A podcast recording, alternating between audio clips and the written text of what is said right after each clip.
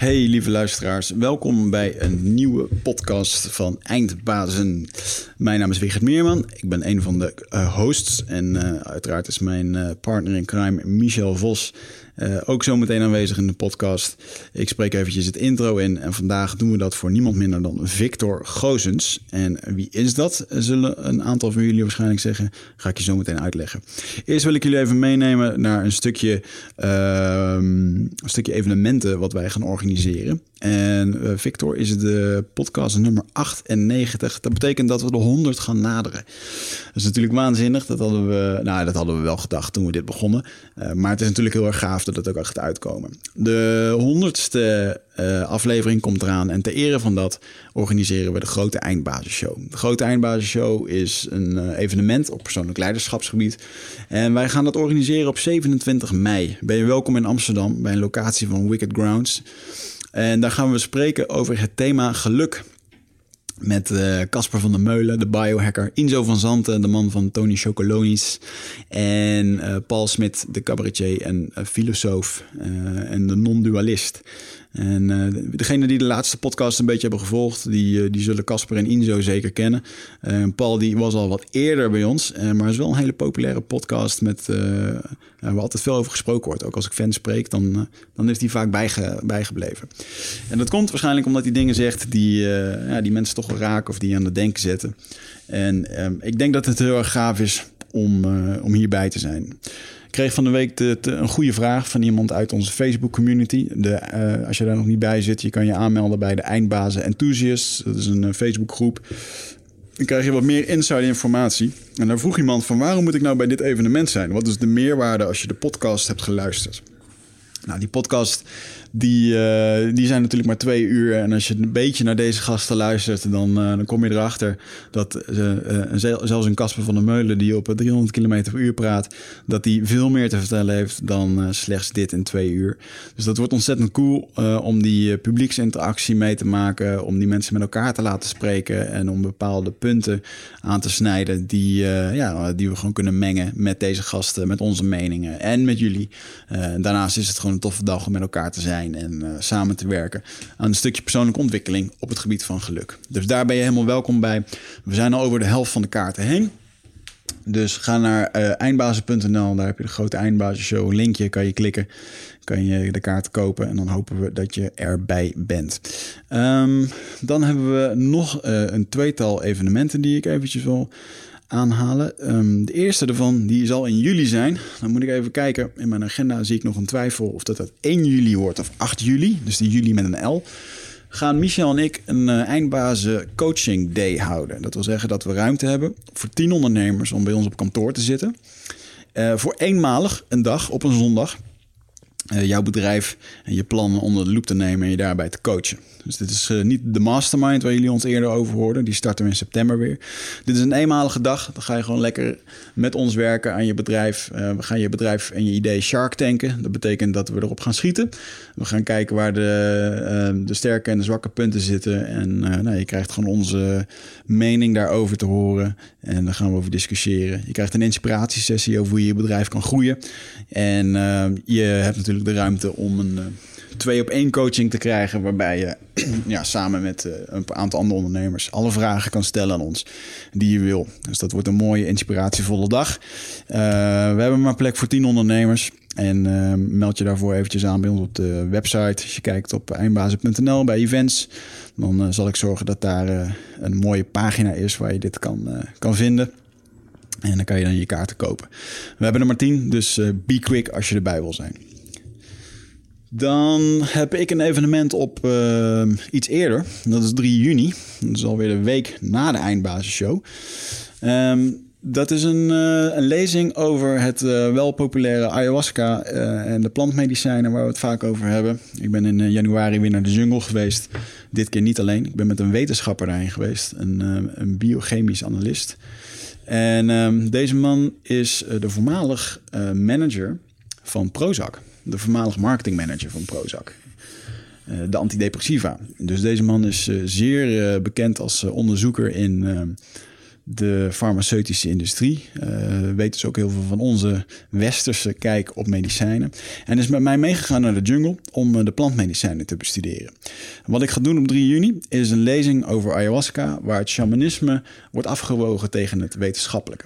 En ik ga daar een lezing geven over wat ayahuasca nou precies is, wat de plantmedicijnen precies zijn, omdat ik merk dat. Uh, laat ik het zo zeggen, ik irriteer me een beetje aan uh, de mistbank waar mensen inkomen op het moment als ze gaan zoeken. Um, uh, of dat dat wel iets voor hun is, moeten ze het doen? Nou, ik denk zeker niet dat iedereen het moet doen, maar ik denk wel dat iedereen zich er heel goed over mag inlezen. En daarvoor heb je de goede informatie nodig. Wat is de goede informatie? Dat kan alleen jij bepalen. Maar ik wil je op die dag in ieder geval drie perspectieven laten zien.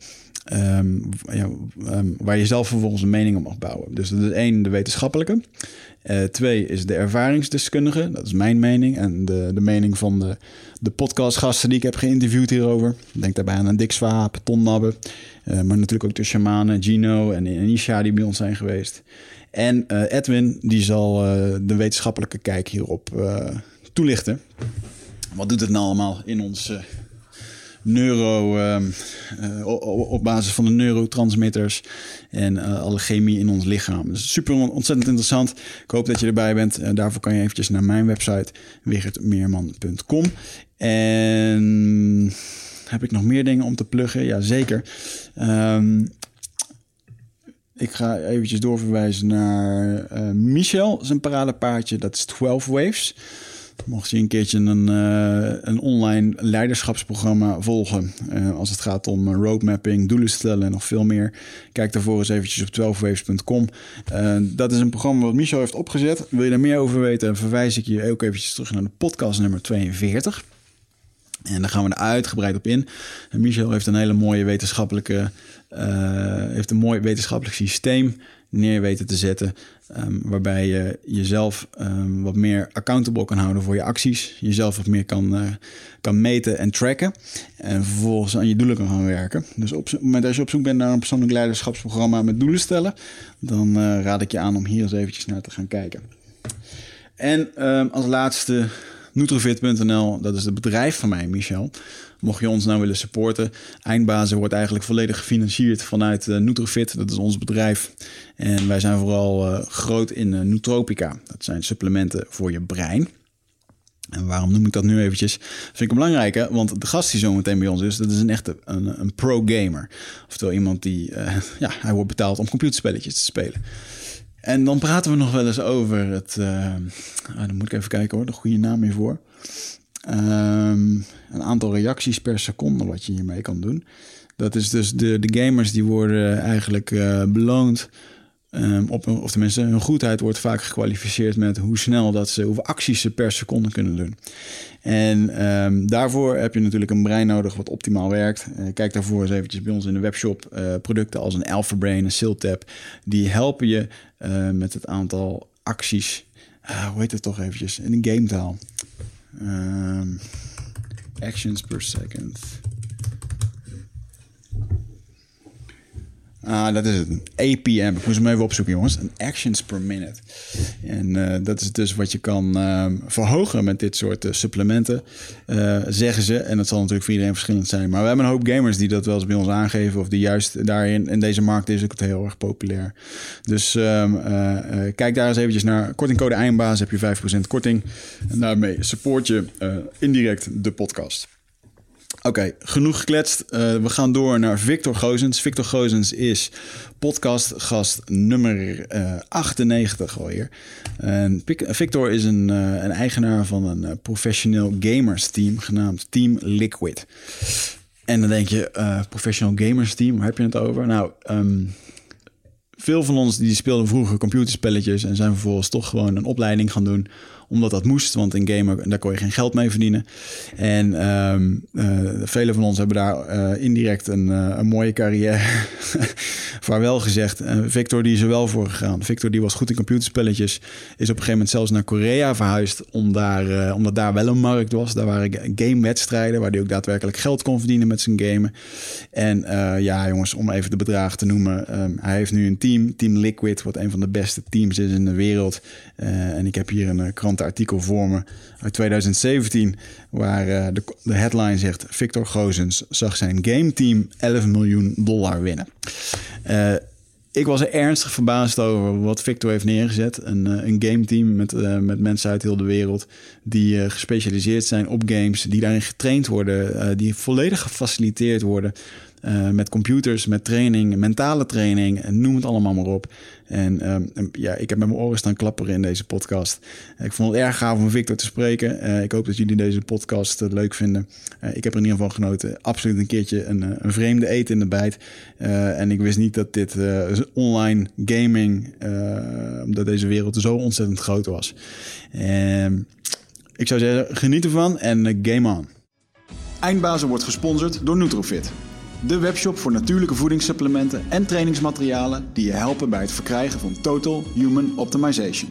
Nutrofit is hofleverancier van merken zoals Onnit, Natural Stacks en Bulletproof Coffee. Probeer onze producten zonder risico door onze money back guarantee. Bezoek ons op www.nutrofit.nl. Bestel je voor 9 uur s avonds, dan zorgen wij dat jouw bestelling de volgende dag geleverd wordt.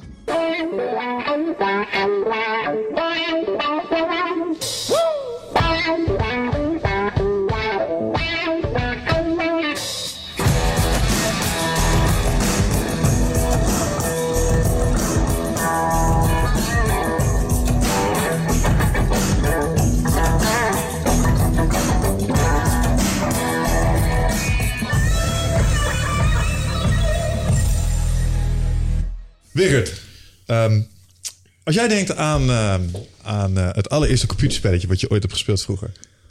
Welke was dat? Commander Keen. Commander Keen? Ja. Cool, die kan ik me nog herinneren. Heel old school, maar uh, ging ik wel. Ik had al een, een stiefvader die, die was wel hip in de computers. We hadden echt al dikke computers en van die cd-branders die dan uh, gewoon een dag deden om een spelletje te branden. En, uh, mm. Ik weet nog wel een ander spelletje wat ik uh, deed was... oh, hoe heet het toch? Dan ben ik even kwijt. Maar Wolfstein is de eerste die echt bleef plakken. Mm. Wolfenstein 3D.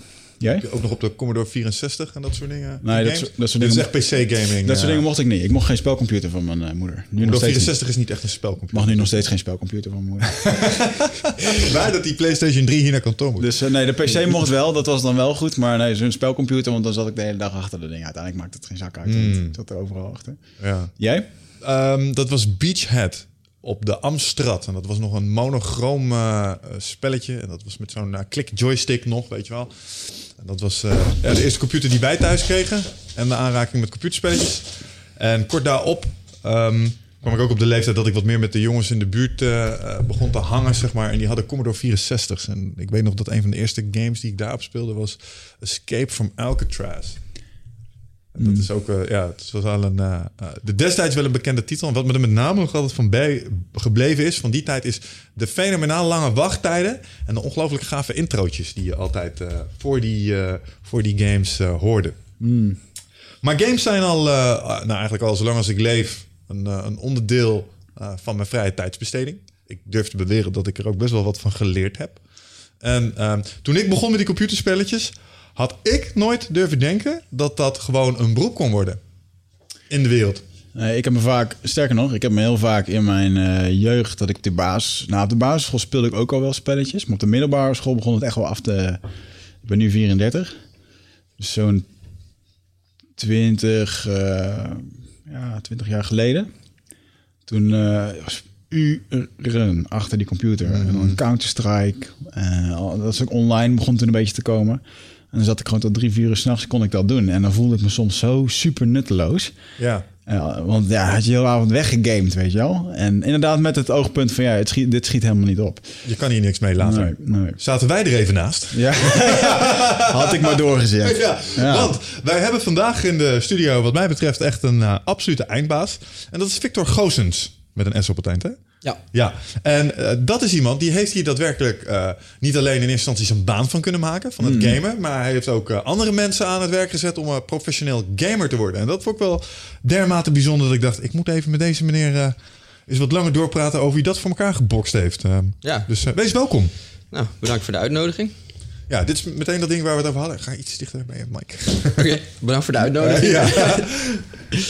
ja, hoe is dat hoe is dat bij jou zo gestart? Als jij zo onze game-historie eh, eh, hoort, is dat iets wat jij deelt met ons? Ja, ja nou, zeker. Um, Commander Keen uh, speelde ik zelf ook vroeger. Um, Counter-Strike is nu een van de grote spellen nog. Dus dat bestaat al 15 jaar. Ja. En het is alleen maar doorontwikkeld en groter geworden. Um, ik denk het grote verschil uh, tussen mij en, en Wigert is dat hij speelde Counter-Strike tot drie uur s'nachts en had een gevoel van nutteloosheid. Ja. Ik speelde StarCraft tot drie, vier uur s'nachts en dacht van dit is het. Uh, dit, dit moet ik doen. Um, en eigenlijk had ik daar veel meer, uh, een veel meer gevoel bij dan bij, bij school. Ja. Bij de middelbare. Daar was ik niet echt. Uh, ja, daar kwam ik niet echt uit. En in, in dat gamen en in dat spellen spelen lukte dat wel. Ja, laat ik voorstellen dat het bij mij ook zo was. Alleen, ik had gewoon een omgeving die zei: het is niet goed voor je. Ja, ja. Je, je, moet dit, je moet dat, mm -hmm. en je moet naar school en diploma's. En...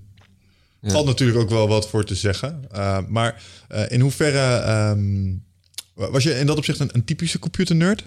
Nee, nee. Uh, voordat ik, dus ik ben, ik denk op mijn veertiende of zo, ik ben nu 34, heb ik StarCraft 1 gevonden. Ja. Um, en daarvoor speelde ik wel wat spellen, maar ik zou mezelf niet echt als gamer beschouwen. En dat heb ik eigenlijk ook nooit gedaan. Als ik aan een, aan een gamer denk, dan denk ik al snel aan, aan iemand die op de nieuwste release zit te wachten, uh, dan die gelijk koopt en dan naar het volgende spel gaat. En voor mij, uh, dat, dat was helemaal niet hoe ik in die spellen stond. Mm. Um, daarvoor speelde ik af en toe een spelletje, af en toe Commander Keen, een beetje Wolfenstein, maar niet, Mm. echt, niet echt intensief.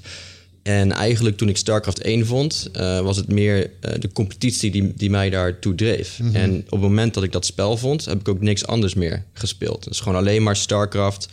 Uh, ik denk vijf, zes jaar lang. En ja. verder, verder helemaal niks. Ja, dat was wel echt een happening. Nou ja, weet je, StarCraft dat is... is... een beetje uh, strategisch, toch? Ja, ja, dat is één tegen één strate strategie. Ja. RTS. Real-time strategy. Dat is dat je van bovenaf kijkt en dan allemaal... Uh, ja, ja. Commander Conquer destijds ook was. Vond ik te gaar. Ik was altijd wel echt... Uh, mijn voorkeur voor spelletjes had altijd dat het liefst... dat het een soort van echt moest zijn. Dus ook mm -hmm. waar ik Wolfenstein super tof vind... Uh, vond ik het niet tof dat er op een gegeven moment monsters en dingetjes kwamen. Want dat vond ik dan weer niet... Oh, uh, ja, ja, ja. ja. Het moet je? gewoon normale soldaten zijn en blijven. Ja, precies. Ja, ja. En dan, dan, vond ik, om eerlijk te zijn, vond ik de, de singleplayer games... dus de verhaallijn volgen. En op een gegeven moment Call of Duty... Waar ik eigenlijk kocht de Call of Duty... vanwege de filmpjes tussendoor, weet je Ja. ja. En uh, zo'n Assassin's Creed vond ik ook heel dik. Dat kan dan natuurlijk weer wel echt, weet je. maar uh, ja, dat was mijn gamewereld. Daar, uh, in SimCity en zo, daar, uh, nee. Ja, maar dat is heel, dat is heel typisch. En er zit, er zit dus nog binnen dat gamen wel een, een echt een verschil. Um, ik heb voor StarCraft, wat ik dus... Ja, StarCraft heeft zo'n enorme invloed op mijn leven gehad... heb ik dus de singleplayer nooit afgespeeld. Ja. Ik ben gewoon ingelogd, ingelogd op de multiplayer... en dat was op dat moment alles wat er voor mij nog maar bestond. Alleen mm. maar één tegen één spelen, alleen maar mm. beter worden.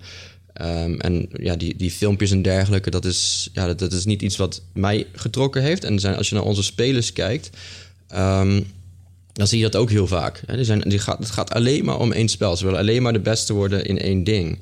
Um, en ze kijken, sommigen wel, sommigen niet. Uh, maar over het algemeen niet per se naar andere spellen uh, Ja. om, om dat te spelen. Nou, dat is wel een van de gave dingen van StarCraft volgens mij. En wat het ook zo populair maakte, is het feit dat je zo makkelijk uh, online, zeg maar, dit spel um, tegen elkaar kon spelen. En daarmee werd het een soort van schaken. Tegen de computer spelen is wel heel erg is wel leuk, zeg maar. Maar vooral de computerspelletjes vroeger hadden dan een AI. En die was soms niet altijd even snugger. En je kon hem wel op difficult zetten en zo. Maar dan kreeg je het ook wel lastig. Maar het was altijd wel te doen. Ja. En tegen een mens spelen, dat maakt het zoveel leuker. En zoveel interessanter ook. Want die doet dingen die je compleet niet verwacht. Uh, met, als, met gevolg dat je allerlei interessante situaties krijgt. Was dat voor jou ook de reden waarom StarCraft... Uh, Ja, zeker. Um, ik, uh, ik heb toevallig ben ik naar San Francisco geweest voor een interview met Blizzard. Dus de maker van StarCraft. Mm. En die wilde uh, iets samenstellen voor de 20, 20 jaar uh, StarCraft. Ja. Hè? En die vroegen ook, oké, okay, wat trok jou zo in het spel? En om heel eerlijk te zijn is dat moeilijk te beschrijven. Uh, ik wilde niks anders. Ik kon eigenlijk niks anders. In de zin van uh, al het, al, alle andere dingen die niet StarCraft waren toen ik jong, jong was, had ik geen zin in. Mm -hmm. um, maar ja, wat mij nou zo aan trok, ik denk dat uh, ja, jezelf echt kunnen testen tegen iemand anders, um, dat, dat, dat lag mij gewoon. En ik denk ook de, de community client eromheen is enorm goed opgebouwd. Dus ik had ook, ik, ik denk, ik ben zelf ook van mening dat je online heel goed in contact kan komen met mensen die like-minded zijn. Mhm. Ja, je hebt natuurlijk veel een, een groter um, aantal mensen waarmee je in contact kan komen. En dat vond ik daar ook. En ik denk dat die combinatie mij daar heel erg toe, eh, Ja. toe dreef. Grappig dat je dat zegt, omdat het klassieke beeld wat mensen vooral vroeger hadden van een gamer was een gast die een beetje solo op zijn zolderkamertje of in de kelder bij zijn ouders zielig spelletjes zat te spelen, Ja. eh, sociaal weg zat te kwijnen. En eh, nou, je had het net over Blizzard. Ja. Een van de games eh, waar ik eh, me op een soort gelijke wijze opgestort heb was Warcraft destijds. En daar zit met name dat sociale component ongelooflijk in. Want het spel op zich is niet wat mij daar hield. Het waren mijn guildies. Ja. Eh, voor mensen die Warcraft niet kennen. Het is een soort fantasy spel. En het is met name als je er ver wil komen, moet je je groeperen. Moet je in een guild stappen. Moet je soms toen de tijd met 40 andere mensen moest je problemen oplossen. Zoals een draak verslaan in dat spel. En het zat hem in die sociale interacties. Ja. Dat was zo ongelooflijk gaaf. Ik denk dat dat een singleplayer spel was geweest. Had ik het nooit zo lang gespeeld. Ik heb nog een grappig... eh, We hebben hier een Pride FC t-shirtje in, eh, eh, in de studio hangen. Waar je net op... daar zei je net wat over dat je dat kende. Vroeger deden we, zaten we echt al voor de buis gekluisterd... om het free fight en het kooivechten... of wat was het, het MMA in Japan te bekijken. En een van de vechters was Alistair Overeem. Ja. Wat echt een gamefanaat eerste klas is. En hij vertelde mij dat hij vaak online gamede. Hij vocht toen in Pride. Dat was denk ik 10, 15 jaar geleden. En dat op een gegeven moment eh, was hij tegen iemand aan het vechten. En die heette Saku39. En dat was de, de nickname van Sakuraba. De grootste Japanse ster. Dus toen heeft hij met die gast lopen chatten van... Joh, eh, hoe kom je aan die naam? Ja, ik kijk Pride. Eh, oh ja, ik ben Alistair. Ik vecht in Pride. Ja, ja, echt niet. Zal wel, ja. Ja, het was een, het was een jongen, een of andere jongen. volgens mij, als ik het goed vergis, een of andere Igor nog wat. Uiteraard MMA-vechter ook. En eh, die is toen uiteindelijk door dat spelletje zijn ze in contact gekomen. En die gozer is toen een tijdje ook bij, bij Alistair komen wonen. Heeft met hem getraind en die vecht nu in de UFC.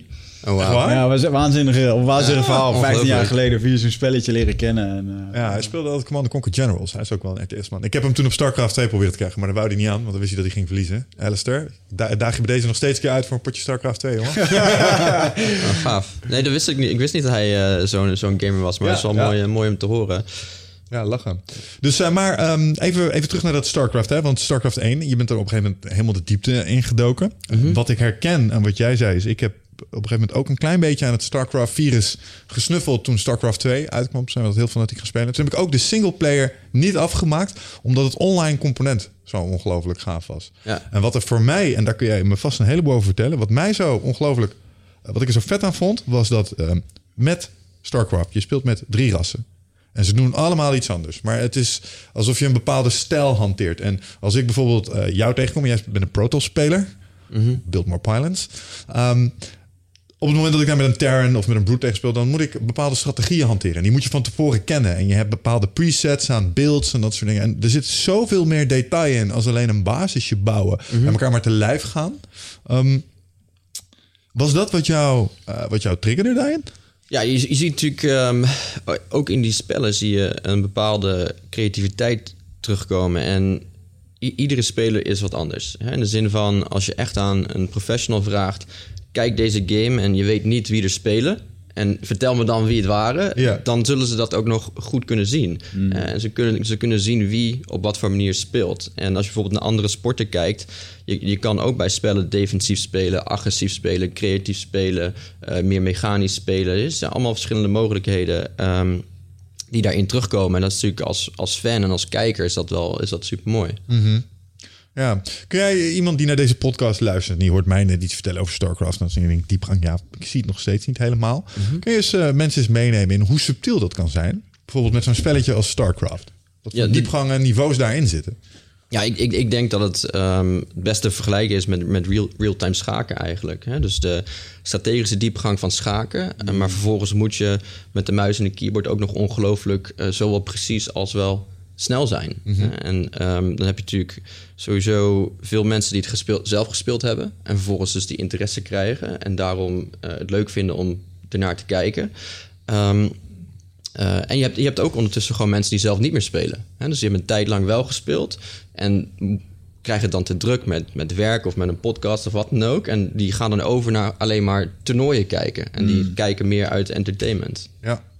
Dat is wel een interessante ontwikkeling geweest. Dat- Daar heb ik me echt wel over verbaasd. Dat, dat dus inderdaad ehm, er een hele lichting mensen is die geïnteresseerd is in games, maar het vooral leuk vindt om er naar te kijken. En dan hoeven niet eens wedstrijden te zijn. Maar Gewoon Ja. mensen die games aan het kijken, aan het spelen zijn en, en dan eh, die streamers inderdaad eh, een soort luiheid of zo lijkt het wel. Ja, ja nee, absoluut. Maar ik, ik denk toch, eh, ja, als je klaar bent met werk, dan niet iedereen heeft zin om zichzelf daarna ook nog eens te gaan testen eh, in een game. Sommige mensen wel, sommige mensen niet. Maar sommige mensen hebben gewoon zin, oké, ik ga even, even chillen. En ik kijk gewoon naar hoe iemand anders Ja. het doet. Ik vond het ook wel relaxed met Counter-Strike. Als je dan een keertje doodgeschoten was, dan kon je eh, zo'n tijd lang kon je gewoon lekker ronddolen zonder dat iemand het zag of zo. Zo'n ghost mode. Daarom ging jij direct als eerste dood, zeg maar. Eh, ja. ja, ik, ben, ik was niet zo'n, ben nooit zo'n superheld geweest. De computer was niet goed, bedoel Ik kon niet van die, ehm, wat was dat nou? Ja, op een gegeven moment kwam het van die kill shots dat je, dat je je sniper, ri- weet je, dat je een sniper rifle hebt en dat je dat viziertje eh, op laat komen. Ik moest dat dan echt op laten komen. Ja, heel kijken. rustig. Ja, ja, ook van die 16-jarigen of 14-jarigen die gewoon pff, laat het ding half opkomen en dan pap, op drie kilometer afstand dan kunnen ze al iemand. eh, En dan zonder vizier, en dan noemen ze dan een no-scope. ja, en dan ben je extra. Dus dat, eh, Ja. ehm, ik was dan zo'n etter die heel lang ergens ging zitten wachten, weet je wel. Camper. Maar ja, dat was. Ja. maar dan inderdaad lekker rondkijken. En gewoon, het is gewoon entertainment. Je weet niet wat er gaat gebeuren. Het is altijd anders. Ja, het is best wel een beetje chatten tussendoor, weet je wel. Ja. Ja, en Counter-Strike is natuurlijk wel echt, ehm, echt als, als kijksport eh, goed, eh, goed, eh, ja, goed design. Ja, je kan dus uit alles... Wij zitten als Team Liquid in ehm 13 verschillende spellen. Eh, of de meeste zijn, van die 13 zijn teams. Sommige zijn individueel, zoals StarCraft. Ehm, en Counter-Strike is daar uiteraard één van. En eh, als je de spellen laat zien aan iemand die dus ja, niet, er, er niet zoveel verstand van heeft, is Counter-Strike altijd de, de, de eerste die ze makkelijk kunnen oppikken. Het, is, het is qua fysiek kunnen herkennen wat, eh, ja, wat, wat hoog niveau is, is daarbij makkelijker dan bij een StarCraft bijvoorbeeld. Dat is natuurlijk wel een sterke eigenschap. Ja, het is iets meer recht toe, recht aan. Ja, Hoewel absoluut. ik denk dat in de, in de daadwerkelijke... Ik denk dat er verschillende type spelers ook zouden kunnen uitblinken in StarCraft of in bijvoorbeeld een Counter-Strike. Ja, nou, het is enorm zeldzaam. Dus ik wil zeker niet zeggen dat dat eh, vaak voorkomt. Eh, maar wij hebben toevallig eh, een van onze beste Counter-Strike-spelers... die was een StarCraft semi-professional tot professional... voordat hij met, eh, met Counter-Strike begon. Ehm, en het, nogmaals, het is wel zeldzaam. Het gebeurt vaker dat iemand bijvoorbeeld van een StarCraft naar een Heroes of Storm gaat... of van de ene shooter naar de andere shooter. Maar Ja. echt tussen die, die twee genres zo kunnen bewegen is, is uniek. En eh, ook credit eh, naar hem toe. En je ziet natuurlijk de eigenschappen die je nodig hebt om deze dingen op hoog niveau te spelen. Dus gewoon je moet je volledig, eh, ja, je, vo- volledig erin duiken. Niks anders doen, niks anders willen.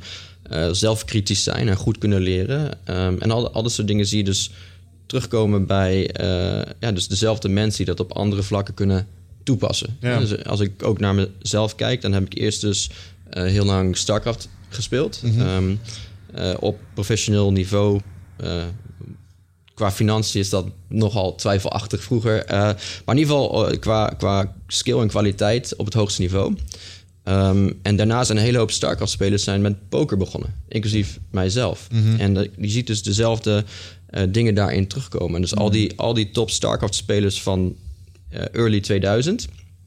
die zijn eigenlijk allemaal eh, top pokerspelers daarna geworden. Wat is de overeenkomst tussen poker en StarCraft? Ehm, nou, je, moet, je, je moet, je moet openstaan om te leren.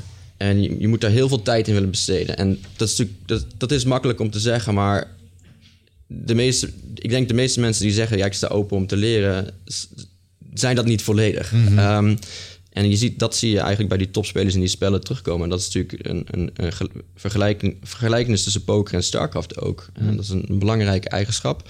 Je hebt mensen die eh, strategisch inzicht hebben. Ehm, je hebt mensen die ergens volledig voor willen gaan en ergens de allerbeste in willen zijn. En ja, als je, al, als je die eigenschappen hebt en dan de juiste match vindt, eh, dan, dan kan je dat van het een naar het andere eh, over, overzetten. Ja, oké, check. Nou, ik zat meer te denken aan misschien dat er, in, dat er bepaalde strategische componenten in het poker zitten, zeg maar. Iets langere termijn planning, zo af en toe misschien. Ten opzichte van, kijk, als ik naar een RTS kijk versus een shooter, zeg maar, er worden andere vaardigheden van je vereist. Ja, bij strategy games zit er ook wel een, een snelheidscomponent in. Ja. Eh, maar dat is hoger bij een shooter. Ja, nou, ik denk dat het tussen die spellen moeilijker is, omdat daar fysieke eigenschappen in zitten. Fysieke eigenschappen die je moet hebben in StarCraft qua multitasken Ja. en snel kunnen klikken zijn anders dan in Counter-Strike. Dat is eigenlijk puur reactiesnelheid. Ehm, en eh, dus, dus daar, dat is lastiger. En voor, voor poker is dat niet zo relevant. Iedereen kan wel op die muis klikken om vervolgens eh, ja, zijn, zijn hand wel of niet eh, te spelen.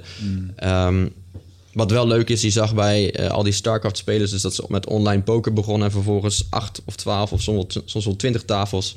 tegelijk speelden op, op drie monitoren... om zoveel Ja, ja. mogelijk handen er doorheen te krijgen. Ah. Je kan manipuleren daarmee. Nou, nou is niet, nee, niet op die, ja, als je op dezelfde tafel tegen jezelf zou spelen, misschien wel, maar dat, Ja, dat is wel, ik, wer- ik werkte bij, eh, bij Apple een tijdje. En eh, bij zo'n grote resellerketen. Er zaten allemaal van die gasten. En die hadden allemaal van die remote computer dingen. Dat ze met één laptop konden ze dan op het werk. Op een laptop en op een pc konden ze in dezelfde game inloggen. Ja, met allemaal ja, ja. remote desktop dingen. En dan zaten ze met, in een spel van vier of zes zaten ze met drie zaten ze zelf. ja. Ah. Nee, oké. That's cheating. Oké, Maar dat, dat, dat is niet wat ik bedoel. Ik ben me daar wel mee bekend. Maar wat ik bedoel is echt gewoon allemaal losse tafels. En je Ah. bent de enige persoon op dat tafel. Of, eh, de- je speelt niet met twee accounts op dezelfde tafel. Maar je speelt gewoon echt twintig verschillende tafels tegelijk. Twintig verschillende handen Wauw. tegelijk. En Ja. eh, daardoor kan je veel meer handen spelen. Waardoor je weer sneller leert. En als je goed bent, dus ook daarmee meer verdient. En dat is, er is eh, de, de, die beginjaren eh, van poker. Dat is denk ik rond... eh, ik ben daar rond 2004 denk ik mee begonnen. Heb ik gespeeld tot 2010. eh, professioneel, allemaal online. Ehm, maar die, die, die groep eigenlijk gamers die poker als een mogelijkheid begon te zien... die pakten dat zo enorm anders aan dan de mensen die... ja, een beetje in die live casino's eh, in, Ja, in, in, in Amerika hadden gespeeld. Die uiteindelijk, eh die jongens die dus online begonnen te spelen, die speelden per jaar, laten we zeggen, 50 keer zoveel handen als die oldschool pokerspelers die gewoon eh, op ja, hun kaarten Hmm. in casino's speelden.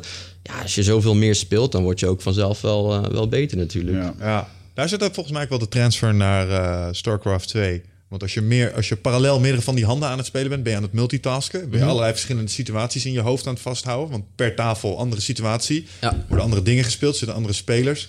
En daar moet je dan de overhand in zien te vinden. En dat lijkt eigenlijk Absoluut. best wel op StarCraft. Want daar doe je eigenlijk ook dat soort skirmishes de ja, hele tijd. Ja, zeker. Ja, die, die, dus die spelers die die meerdere tafels speelden, ehm, allemaal in de gaten moeten houden. Dat is natuurlijk te vergelijken met, oké, je moet op je basis letten, je moet op je aanval letten, je moet daarop letten, je moet daarop letten. Ja. En dat het allemaal terugkomt. Ja, dat was een van de dingen. Toen dacht ik wel, oké, hier worden dingen echt serieus gedaan in dat StarCraft. Toen ik erachter kwam dat je... Toen begon we hebben een eh, vriend in de vriendengroep zitten. We landen nog wel eens eens in zoveel tijd. Hij wint altijd alles. Maar dat komt ook omdat hij de tutorials kijkt. Hij kijkt inderdaad alle streams. En hij, eh, hij snapt ook, zeg maar, de mechanics erachter. Dus hij weet bijvoorbeeld het verschil tussen... En daar begon het voor mij. Macro en micro met StarCraft. Ja, Ja. ja je micro sucks. En je macro kan economisch ook wel wat beter. En dacht ik, hè, waar heb je het over, gast, weet je wel? Er zijn gewoon een hele ja, nou, verhandelingen over eh, online te vinden over hoe je dat dan optimaal moet doen en zo. Het, is, eh, Ja. het gaat wel diep. En wat ik het mooiste vond aan StarCraft, en daar kan jij misschien over vertellen. Wat is APM? Ja, APM, actions, actions per minute. Eh, dus ja, de optelsom van al je keyboardslagen en muis, muiskliks. Ehm, dat aan de top, eh, eh, ik denk onder de 200 per minuut, kan je bijna niet meer mee.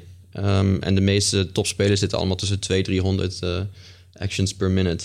En als je geen idee hebt wat dat betekent, Birgit, ik, ik weet niet, je, je zoekt nog wel eens wat op eh, tijdens de podcast. Moet je eens eh, zoeken op zo'n APM-video. Kan me er nog één herinneren. Zie je gewoon een camera van bovenaf, zeg maar, op een keyboard. En dan zie je gasten die dingen doen. Zie je Ja. ondertussen zijn scherm bewegen. Het is bijna bovenmenselijk wat daar gebeurt. Ja, het is, het is zeker een kant van gamen die ehm, ja, niet zo vaak belicht wordt. Maar wat je fysiek moet kunnen aan, aan Ja. snelheid met keyboard en muis. Hier een ehm, Korean gamer die het even laten zien. Is dat zo'n hand van een keyboard? Want dan is het waarschijnlijk dezelfde, ja. En die heeft dan zo'n telletje bovenin staan met het aantal acties per minuut. En dan zit je echt zo, wat? ja, Hier, die, eh, Ja, die. is dat deze? Ja. Ja. ja. De kijkers moeten maar even op YouTube meekijken. Dan kun je Ja, dit is. StarCraft 1 inderdaad. Dat, eh, dat is nog intensiever dan StarCraft 2 qua, Ja, maar moet qua je kijken hoe snel die snelheid. beweegt, jongen. En je houdt dus over de hele kaart allerlei situaties in de gaten. En dan weet precies wat hij er wil doen. Ja. Nou goed, maar dat is, wel, dat is wel leuk ook. Wat je dus aan fysieke eh, kwaliteiten moet hebben om te kunnen gamen op topniveau. dat, dat is A, vaak onderbelicht. En B, eh, is het natuurlijk wel een, een kritiekpunt van mensen die niet zo fan van, van e-sports zijn. Van ja, oké, eh, waarom noem je het een sport? Eh, het is toch helemaal niet fysiek. Als je, hè, maar als, je dat, als je dat ziet en als je dat kan... en moet je voorstellen dat hoe snel hij gaat... alles moet ook nog eens precies zijn... Ehm, ja, dat, dat is natuurlijk wel, dat, dat, is, dat kan niet iedereen. Zoom daar eens op in. Wat bedoel je met alles moet precies zijn? Nou ja, je, als je, je kan wel snel klikken, maar als je ernaast klikt, dan kom je natuurlijk ook nergens. Ja. Eh, je moet wel ook nog eens op de juiste dingen kunnen klikken met die snelheid. Ja, op de juiste units en ze de juiste plek op de kaart aanklikken, zodat het allemaal goed gaat. Ja. Ik denk als je nog nooit zo'n spelletje hebt gespeeld, dat het soms ook wel even vertaal is van, Ja. hebben ze het nou over dan? Ja, nou, als jij het over de micro hebt, dat is eigenlijk de beheersing van de units. eh, en die op de juiste manier strategisch ge- gezien inzetten. Nou, als, jij, als jij de verkeerde unit klikt en die ergens strategisch gezien neerzet, ja, dan, dan kan je niet winnen tegen iemand die dat eh, op de goede manier aanpakt. Ja. Ehm, dus dat is toch wel belangrijk nog. En daar zit ook nog een diepgang in, Wigert. Dat is ook een van de dingen die ze mij leerden. Dan eh, heb je ehm, micro, wat je zegt. Sommige poppetjes, je hebt iets van tien verschillende units die je kan bouwen. Maar die kan je niet allemaal gewoon op één kluitje gooien en gewoon naar een basis sturen en dan hopen dat het allemaal goed gaat. De echte goede gasten, die, kunnen, die weten ook, oh, hij heeft daar zoveel poppetjes lopen. Ja. Dan heb ik deze poppetjes, die zijn daar heel goed tegen. Die ga ik daar nou op klikken. En dan ga ik ondertussen met die, ga ik die andere poppetjes ga ik uitschakelen. Dat is ook een van de moeilijkste dingen. Ik heb Ja. dat nooit echt goed onder de knie gekregen. Ja, dus, ja, als je dat vergelijkt naar eh, situaties buiten het spel. Stel je voor, je hebt een, een- twee, twee legers die tegen elkaar, tegen elkaar vechten... en die ene gaat op een kluitje zitten. Ja, dat lijkt me niet zo handig. Of je gooit, of je gooit daar een bom op, of spervuur, of wat dan ook. Ja. Dat is strategisch gezien, eh, kom je daar niet zo ver mee. Hetzelfde geldt voor deze spellen. Als je alles op dezelfde plek zet... dan, ja, dan, dan weet de tegenstander natuurlijk heel makkelijk eh, hoe daarmee om te gaan.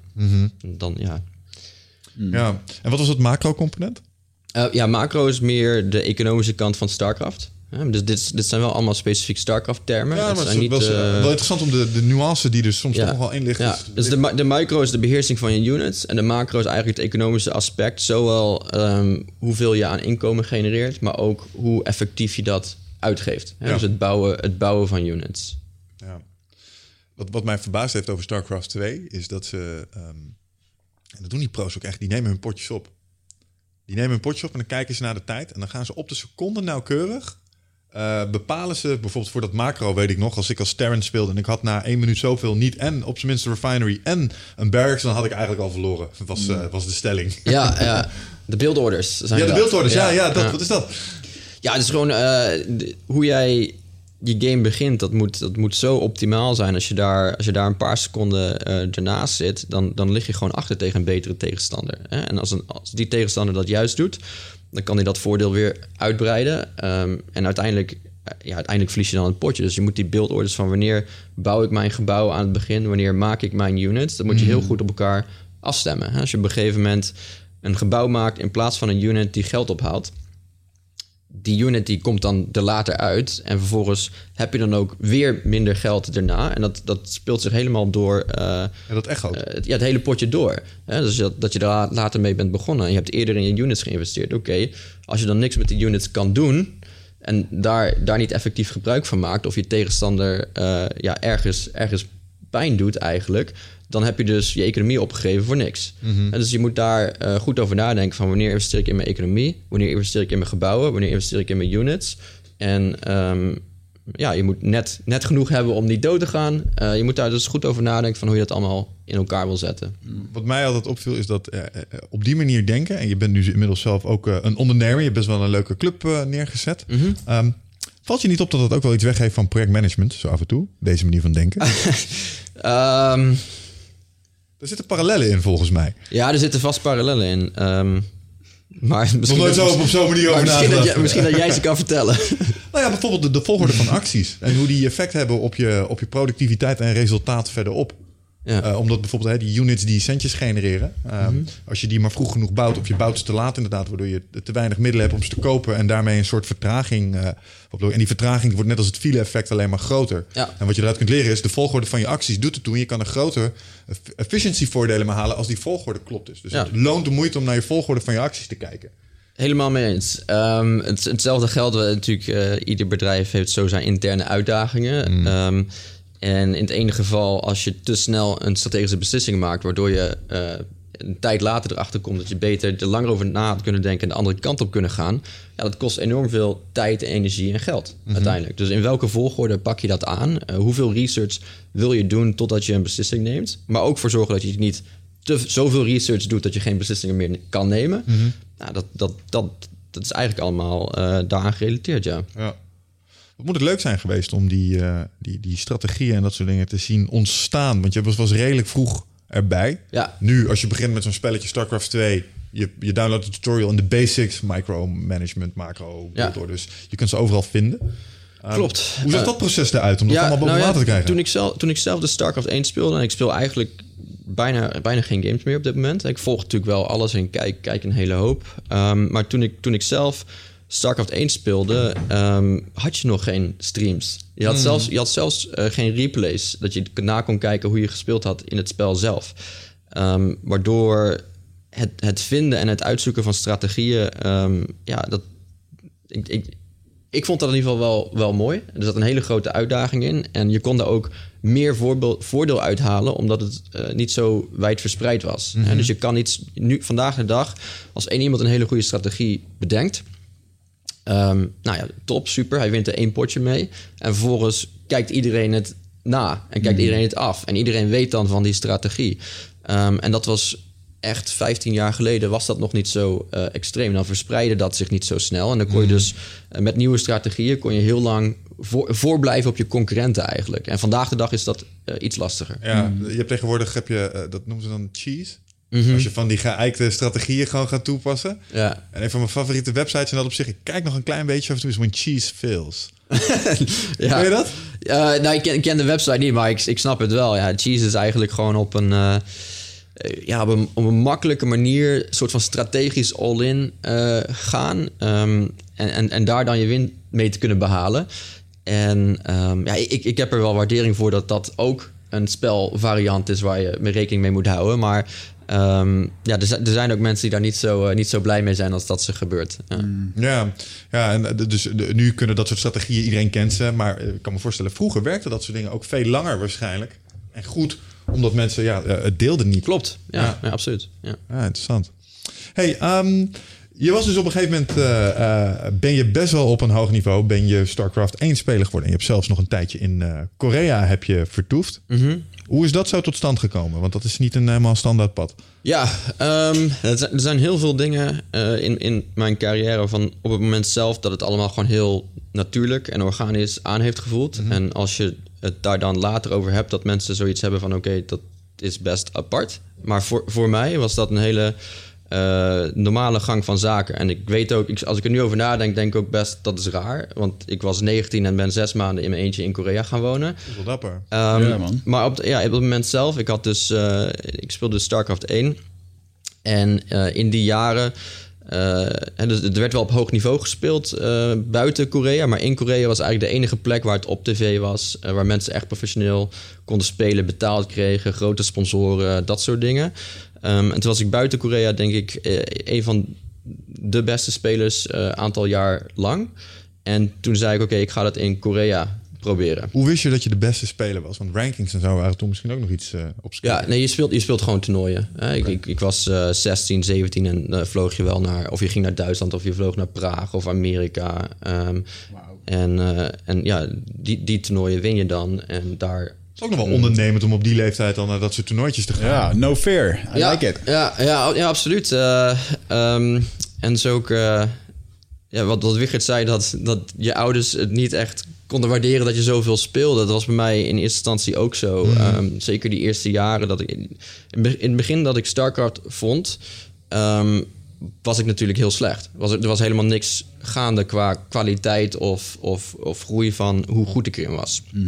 Maar eh, ik had wel iets gevonden. Ik had iets gevonden en ik wilde niks anders meer doen. Dus in eerste instantie denken, denken je ouders waarschijnlijk... oké, dat is niet goed. Hè, dus je door de week tot drie, vier op. eh, gewoon echt maar een paar uur slapen. Soms ook nog een uurtje van tevoren een studieboek erbij pakken... en een examen gaan doen. Dus mijn, mijn middelbare was, eh, was niet... dat is niet echt een succesverhaal. Maar die, die eerste jaren van gamen is natuurlijk... Daar, je ouders denken daarvan... oké, dat gaat niet helemaal lekker. Hè, Hij gaat niet goed op school en hij speelt zoveel dat spelletje. Ehm, maar maar op, op het moment dat... ehm, en ze hadden natuurlijk niet door dat ik ergens goed in... eh, En ze aan- kunnen niet inschatten hoe geniaal je was in dat spel natuurlijk. Nee, dat- ze hadden geen enkel zicht daarop. Ja, en op een gegeven moment zei ik... oké, eh, ik ga naar Duitsland voor een toernooi. Weet je wel? En dan was het zo van, hè? Eh, wat, wat is hier gaande? En dan zei ik, ik ga naar Praag voor een toernooi. Oké, er, is, er, er is iets gaande.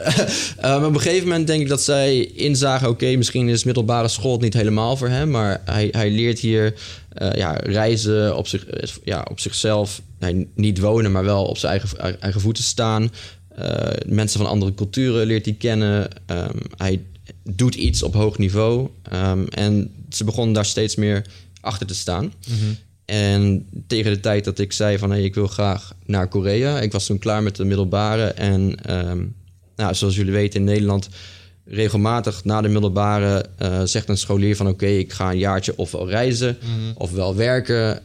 ik zei ja, mijn, mijn klasgenoten gaan dat maar doen. Mm. Ik ga naar Korea om StarCraft te spelen. En ja, daar zijn mijn ouders op dat moment altijd heel erg uh, ondersteunend in geweest. Cool. Mooi. Ja. Fijn, man. En uh, toen uh, stond je daar op Schiphol en toen ging je dus inderdaad naar Korea. Hoe had je dat geld bij elkaar gekregen om daar te gaan leven? Uh, als ik me goed herinner, was de reis um, door een sponsor betaald. Okay. En, dus je had inmiddels al wat inkomsten uit het game ook? Ja, ik had al inkomsten uit het game. Dus moet je je voorstellen, die, zo'n toernooi in Praag... Daar, daar kon je dan 1000, 1500 dollar mee winnen. Ik bedoel, stelt niks voor met vandaag de dag... maar voor iemand die bij zijn ouders woont... kan je nog wel iets op je bankrekening eraan overhouden. Dus ik had wat op de bankrekening staan. Reis werd betaald, uh, dus ik vloog daarheen... en heb toen vervolgens eigenlijk uh, ja, van die bankrekening van prijzengeld... daar uh, gewoond en geleefd. Oké. Okay. Mooi. Dus je hoefde daar niet aan het werk de taal te gaan leren ineens. Uh, nee. Jezelf daar overeind te houden. Nee, nee, nee. Um, en dan, daar had je nog wat kleine inkomstenbronnen. Als je uh, op tv speelde of zo, kreeg je nog 100, 150 dollar uh, erbij. En zo schraapte ik wat bij elkaar. Um, dat, ja, dat, dat heb ik eigenlijk zes maanden dan volgehouden. En toen heb ik, um, ja, ben ik bij mezelf te raden gegaan... oké, okay, zit hier een toekomst in? Hè, het, het, ging op zich wel redelijk in Korea... Uh, maar ik moest ook nadenken over, oké, okay, uh, wat wil ik met mijn studie en dergelijke. Na zes maanden heb ik gezegd, oké, okay, ik ga weer terug naar Nederland om mm. te studeren. Oké. Okay. Hoe, hoe, was het om daar te zijn als Nederlander? Die zo even zo'n domein binnenkomt wandelen. Want ze ja. zijn natuurlijk alleen maar StarCrafters uit, ja. uit, Korea gewend. En ineens ben jij daar. Hartstikke mooi. Um, ik had uh, daar een aantal um, vrienden dus uit de internationale StarCraft community ook. Fransman, Canadees, um, Amerikaan die daar ook zaten. dus je hebt wel wat mensen met wie je eh, Engels kan spreken en contact hebt. En uh, dat je buiten het spel. En dat zijn ook degenen waarmee ik het meeste oefende, zelfs in Korea zelf. Mm -hmm. um, maar dat je buiten het spel ook met die mensen uit eten kan gaan of even naar de bios of wat mm -hmm. dan ook. Dus ik had daar wel uh, een aantal, aantal mensen die ik dus kende van, van, een, van StarCraft zelf al. Lachen. Ja. Daar heb je denk ik ook gemerkt dat in een team optrekken misschien nog wel eens uh, nuttig kon zijn in Gameland. Ja, absoluut. Ja, ik denk ook, um, als zij daar, een aantal van hun zaten er al, voordat ik ging.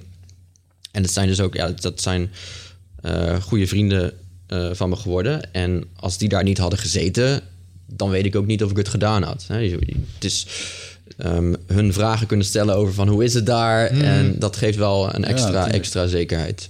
Ja. Was het toen op dat moment ook al in Korea zo dat je een bepaalde status had als je dit deed? Uh, ja, ja. Klein, klein beetje. Ik bedoel, ik had, ik had op mijn achttiende dan een Koreaanse, kleine Koreaanse fanclub. Um, en uh, ja, als je die... Als je die Briljant. Ja, Explain. Ja, dat, ja dus, stond aan je deur of hoe... Uh... Nou, dat niet. Maar je hebt dan van die... Ik denk, ik weet niet meer hoe dat heette, maar je had een bepaald netwerk van sites dat je daar... Dat ze mensen dat daarvoor... Uh, um, ja, voor anderen opzetten. En daar heb je dan een aantal mensen die daar op zo'n forumpje posten en dergelijke. Mm. Um, dus ja, ja je, het was daar en het is daar eigenlijk heel groot. Dus het, qua echt, uh, um, het is natuurlijk heel dens. Alles, alles zit in Seoul daar. Wat het heel, qua infrastructuur uh, heel makkelijk maakt voor iets als e-sports. Mm -hmm. dus, maar ja, het is enorm, uh, enorm, enorm geaccepteerd eigenlijk. Um, ja, dat, dat, ja. dat het kan. Bizar, hè, eigenlijk. Ik, ik weet nog wel eens dat wij daar van die grapjes over maakten. We hadden het net even over Pride. Uh, dan had je mm een shirtje van een vechtsportorganisatie uit Japan. Ja, je gaf aan, dat, dat mm -hmm. was op tv, dus dat heb ja, je daar veel gekeken. Ja, dat heb ik daar voor het eerst inderdaad gezien uh, toen. Ja, en wat je niet anders kan doen als je zeg maar voor de eerste keer naar dat soort toernooien kijkt... en je ziet hoe ze die, hoe ze die gamers voorstellen... Mm -hmm. um, en je ziet uh, hoe het publiek daarop reageert... je denkt van, hey, dit lijkt wel een vechtsportevenement. Ja, ja absoluut. Um, en, en een vergelijking tussen de vechtsport en het gamen is dat... Um, dat, een, dat de relatie tussen publiek en speler is nog vrij close. Mm. vergeleken met voetbal. Er zit veel meer afstand tussen. En dus bij MMA is dat ook eh, dichter bij elkaar. Je hebt nog uh, UFC-fighters die dan mensen uitnodigen voor hun eigen afterparty. Oh zo, ja. ja, ja, ja, dat kan je bij voetbal natuurlijk niet voorstellen. Dat Van Persie zegt, hey, we hebben net uh, Interland gewonnen. Wie, wie wil dan een afterparty hier en hier komen doen? Ja, goed. Dat die, de, de, de, de fans en de, en de spelers um, zitten daarin nog veel dichter bij elkaar. Mm. En daarnaast zie je dat ook terug in het streamen. He, dus dat niet, niet alleen kan je de toernooien kijken, maar je kan ook de spelers die, die hun oefenpotjes spelen ook gaan kijken. En die, die hebben dan interactie met hun fans via de, hun, hun Twitch-kanaal bijvoorbeeld. Um, dus ja, daar zit, daar, zit, uh, ja, daar zit niet veel ruimte tussen. Ja, daar zie ik wel een verschilletje met de vechtsport trouwens. Ik kan me niet voorstellen dat je je trainingssessies als UFC-vechter zou nee. gaan streamen. Nee, dat, dat, dat, dat, oh, dat, dat, dat geeft te veel informatie weg gelijk. Ja, dat lijkt me lastig. Ja, ja. Maar ik snap wel de verbondenheid, man. Mensen willen gewoon uh, ze willen een kijkje in de wereld. En ze kijken naar je. En het, het lijkt wel een beetje hetzelfde... Soms komen wij wel eens fans van de podcast tegen. En die, uh, die kennen jou omdat ze al 800 uur van je hebben geluisterd. Mm -hmm. Beginnen tegen je te praten alsof ze je al heel lang kennen. En, Ja. en dan is het echt, ho, uh, wie ben jij? En, en ik heb mezelf er ook op betrapt toen ik iemand tegenkwam waarvan ik, waar ik heel veel naar luister. Uh, maar het is hetzelfde met gamefans. Als je, als je honderden uren naar iemand hebt zitten kijken... en je weet alles van elke partij of elk dingetje... dan kom je daar inderdaad als een... Als een en helemaal met Twitch nu. Hè? Ik bedoel, jij, jij, kijkt er volgens mij niet heel fanatiek naar. We hebben hier wel eens wat over verteld. Ik heb Wigert wel eens meegenomen in de wondere wereld van de tit-streamers. Oké. Okay. Je, ken je dat concept? Meiden die op Twitch zitten, Ja, maar net ja, iets te veel ja. inkijken hebben... zodat wel duidelijk is waarom de helft oh, ja, mee zit te kijken. En als je dan kijkt naar de obscene donaties die die meiden krijgen... Er was er één, Miriam Sue, hebben we het hier wel meer Ja, over gehad. ja, ja, ja, 30k of zo Ah, van, van donaties. Maar dat is, ja, dat is natuurlijk een, een fenomeen. En je kan me voorstellen dat als je dat soort dingen gaat doen, dat je dat. Maar het feit dat het mogelijk is om op zo'n manier games uit te zenden. Mhm. en, en mensen blijven niet alleen voor de spelletjes. Want wat me altijd opvalt aan die streams is dat ehm, de gamer op zich, die, die streamt zichzelf ook links onder in beeld. En die krijgen dan allemaal van die mooie sponsorstoelen en dat soort dingen. Valt me altijd op. Maar Ja. ehm, die zijn ook gewoon aan het praten met hun fanbase. En die reageren op de chat. En die hebben vaak ook gewoon een moderator die hun chat in de gaten houdt. Terwijl zij aan het gamen zijn en interactie hebben. Het is gewoon een, een soort, soort live podcast, maar dan met één persoon. En soms zitten er ook twee achter dingen. En ik denk dat een boel mensen inderdaad ook aan de persoonlijkheid van zo'n eh, figuur ja. blijven hangen. Ja.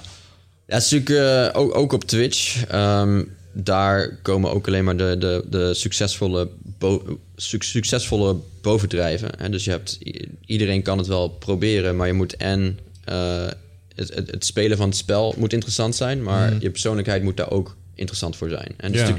dat is niet per se nodig voor ehm, de core business van Team Liquid. Dat is gewoon het spelen van toernooien hè, en het winnen van toernooien. Dus daar hoef je niet per se ehm, heel entertaining voor te zijn als persoonlijkheid. Maar ehm, een van onze eh, eh, revenue modellen is ook onze Twitch streams. Hè? Dus de spelers die dat wel eh, delen met hun fans en wel hun, hun oefenpotjes op Twitch willen streamen. Ehm, ja, en daar, daar zie je bepaalde spelers zijn daar dan weer beter in dan anderen. Ehm, en dat, dat is voor ons mooi meegenomen. Hè? Dus natuurlijk hoe, hoe meer fans wij bereiken, hoe beter. Ehm, hoe meer fans via ons Twitch kijken, dat is een van onze commerciële partners, ook hoe beter. Maar het is niet per se een vereiste voor wat Team Liquid doet. Ehm, hè, als wij die toernooien willen winnen, dan kan dat ook zonder dat je die dingen doet. Wat, wat faciliteer jij nou eigenlijk voor die gasten? Want is het gewoon zo... en Moet ik jou eigenlijk zien als een soort van manager van online vechters?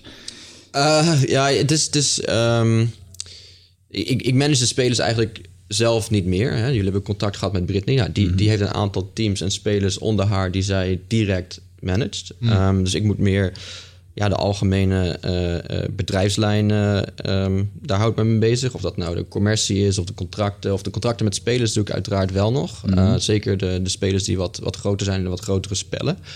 Ehm, maar als je, als je kijkt naar wat Team Liquid voor die spelers doet. ehm, als we bijvoorbeeld hier in Nederland hebben wij dus een, een, een- noemen wij een bootcamp locatie. Eh, er staan zeven kamers. En die kamers, eh, daar zit niemand in tenzij een team langskomt om te bootcampen. Dus die wonen normaal gesproken allemaal in hun eigen landen.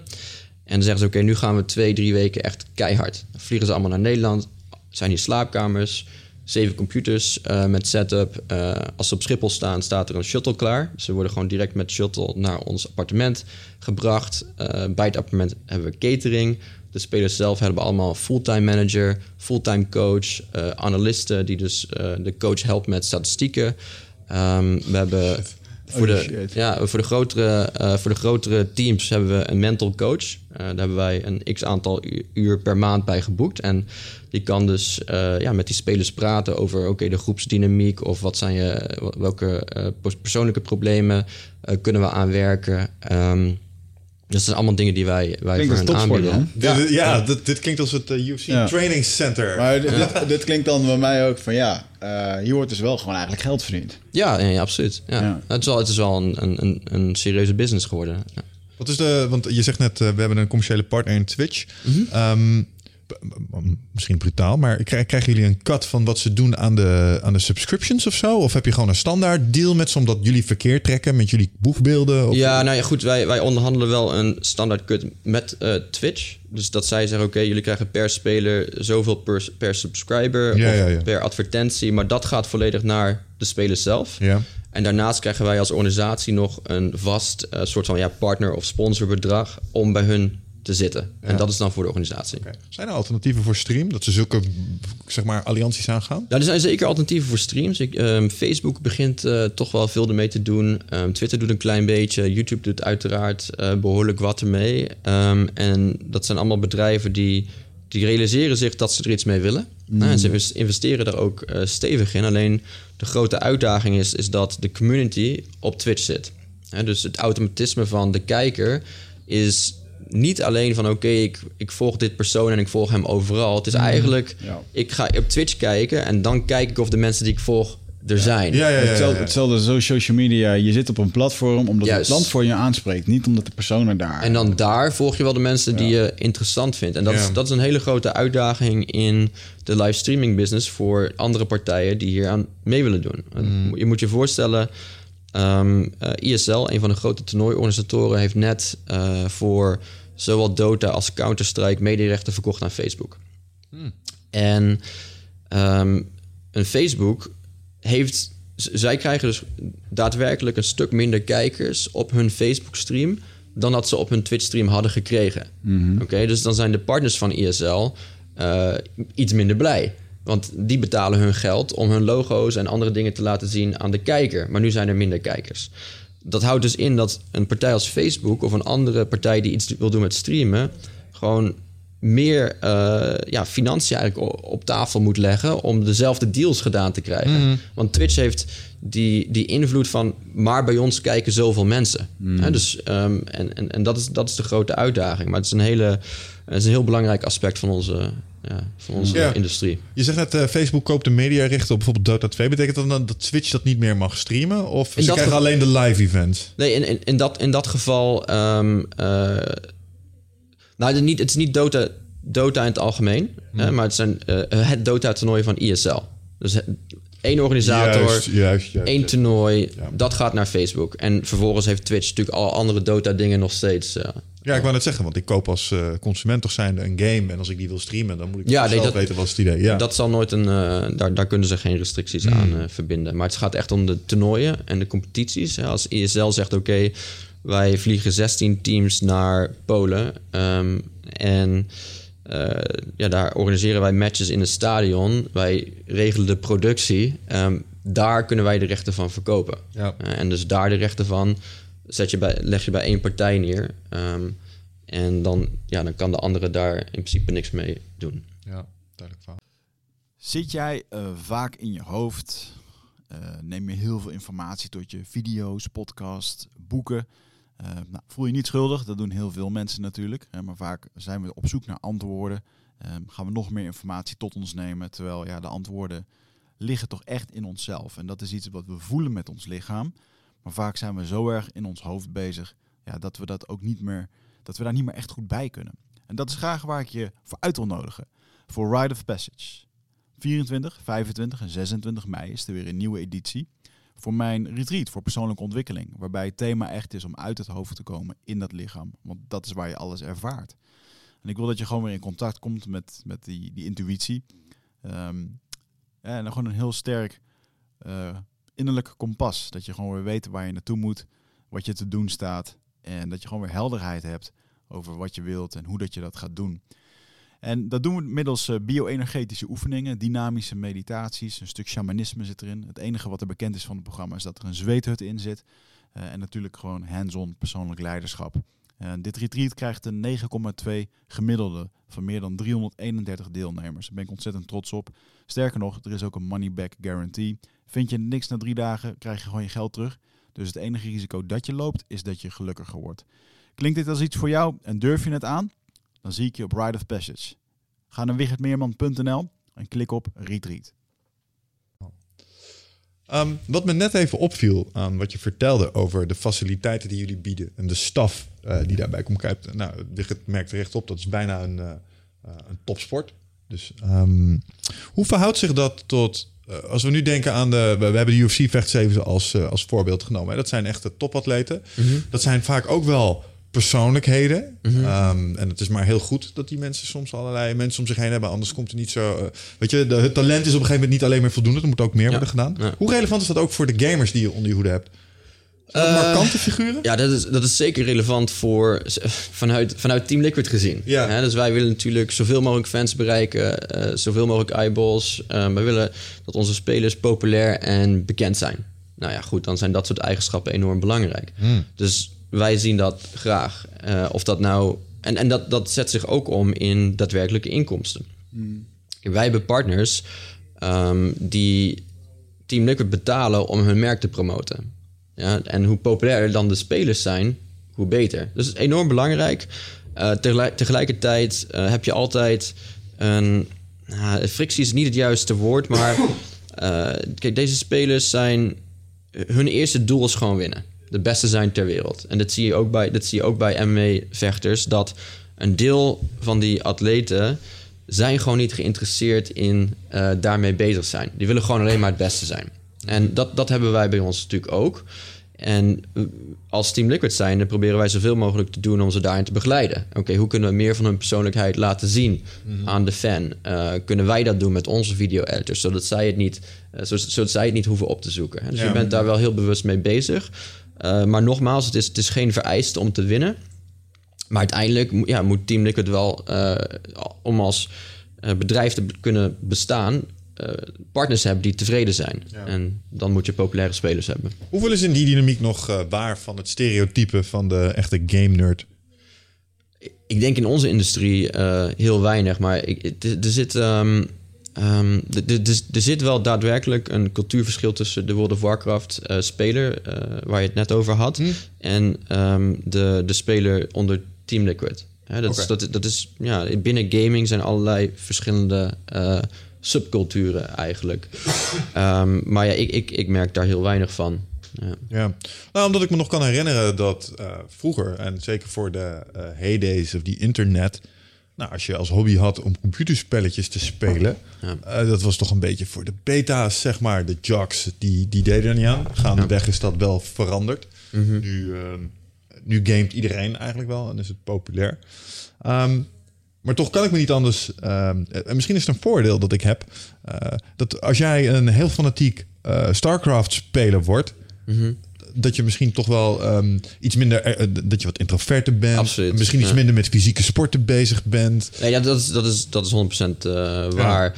Ja. Um, het is natuurlijk wel een, een, een hele stap verder naar een soort van game nerd. Maar in de zin van dat je bepaalde dingen wel ontwikkelt en bepaalde dingen niet. Ja, dat, mm. dat, is, gewoon, dat is gewoon zo. Mm. En dat, dat, is ook, dat is ook zo bij een voetballer natuurlijk. Ja. Ja, dus die, die ontwikkelt ook bepaalde dingen minder dan um, iemand die ja, volledig in de werkende maatschappij staat. En dus bij onze gamers is dat ook zo. Mm. Die, ja, als die op hun veertiende zoveel beginnen te spelen... dat ze bijna niks sociaals meer doen... en ze willen alleen nog maar de beste zijn... en vervolgens...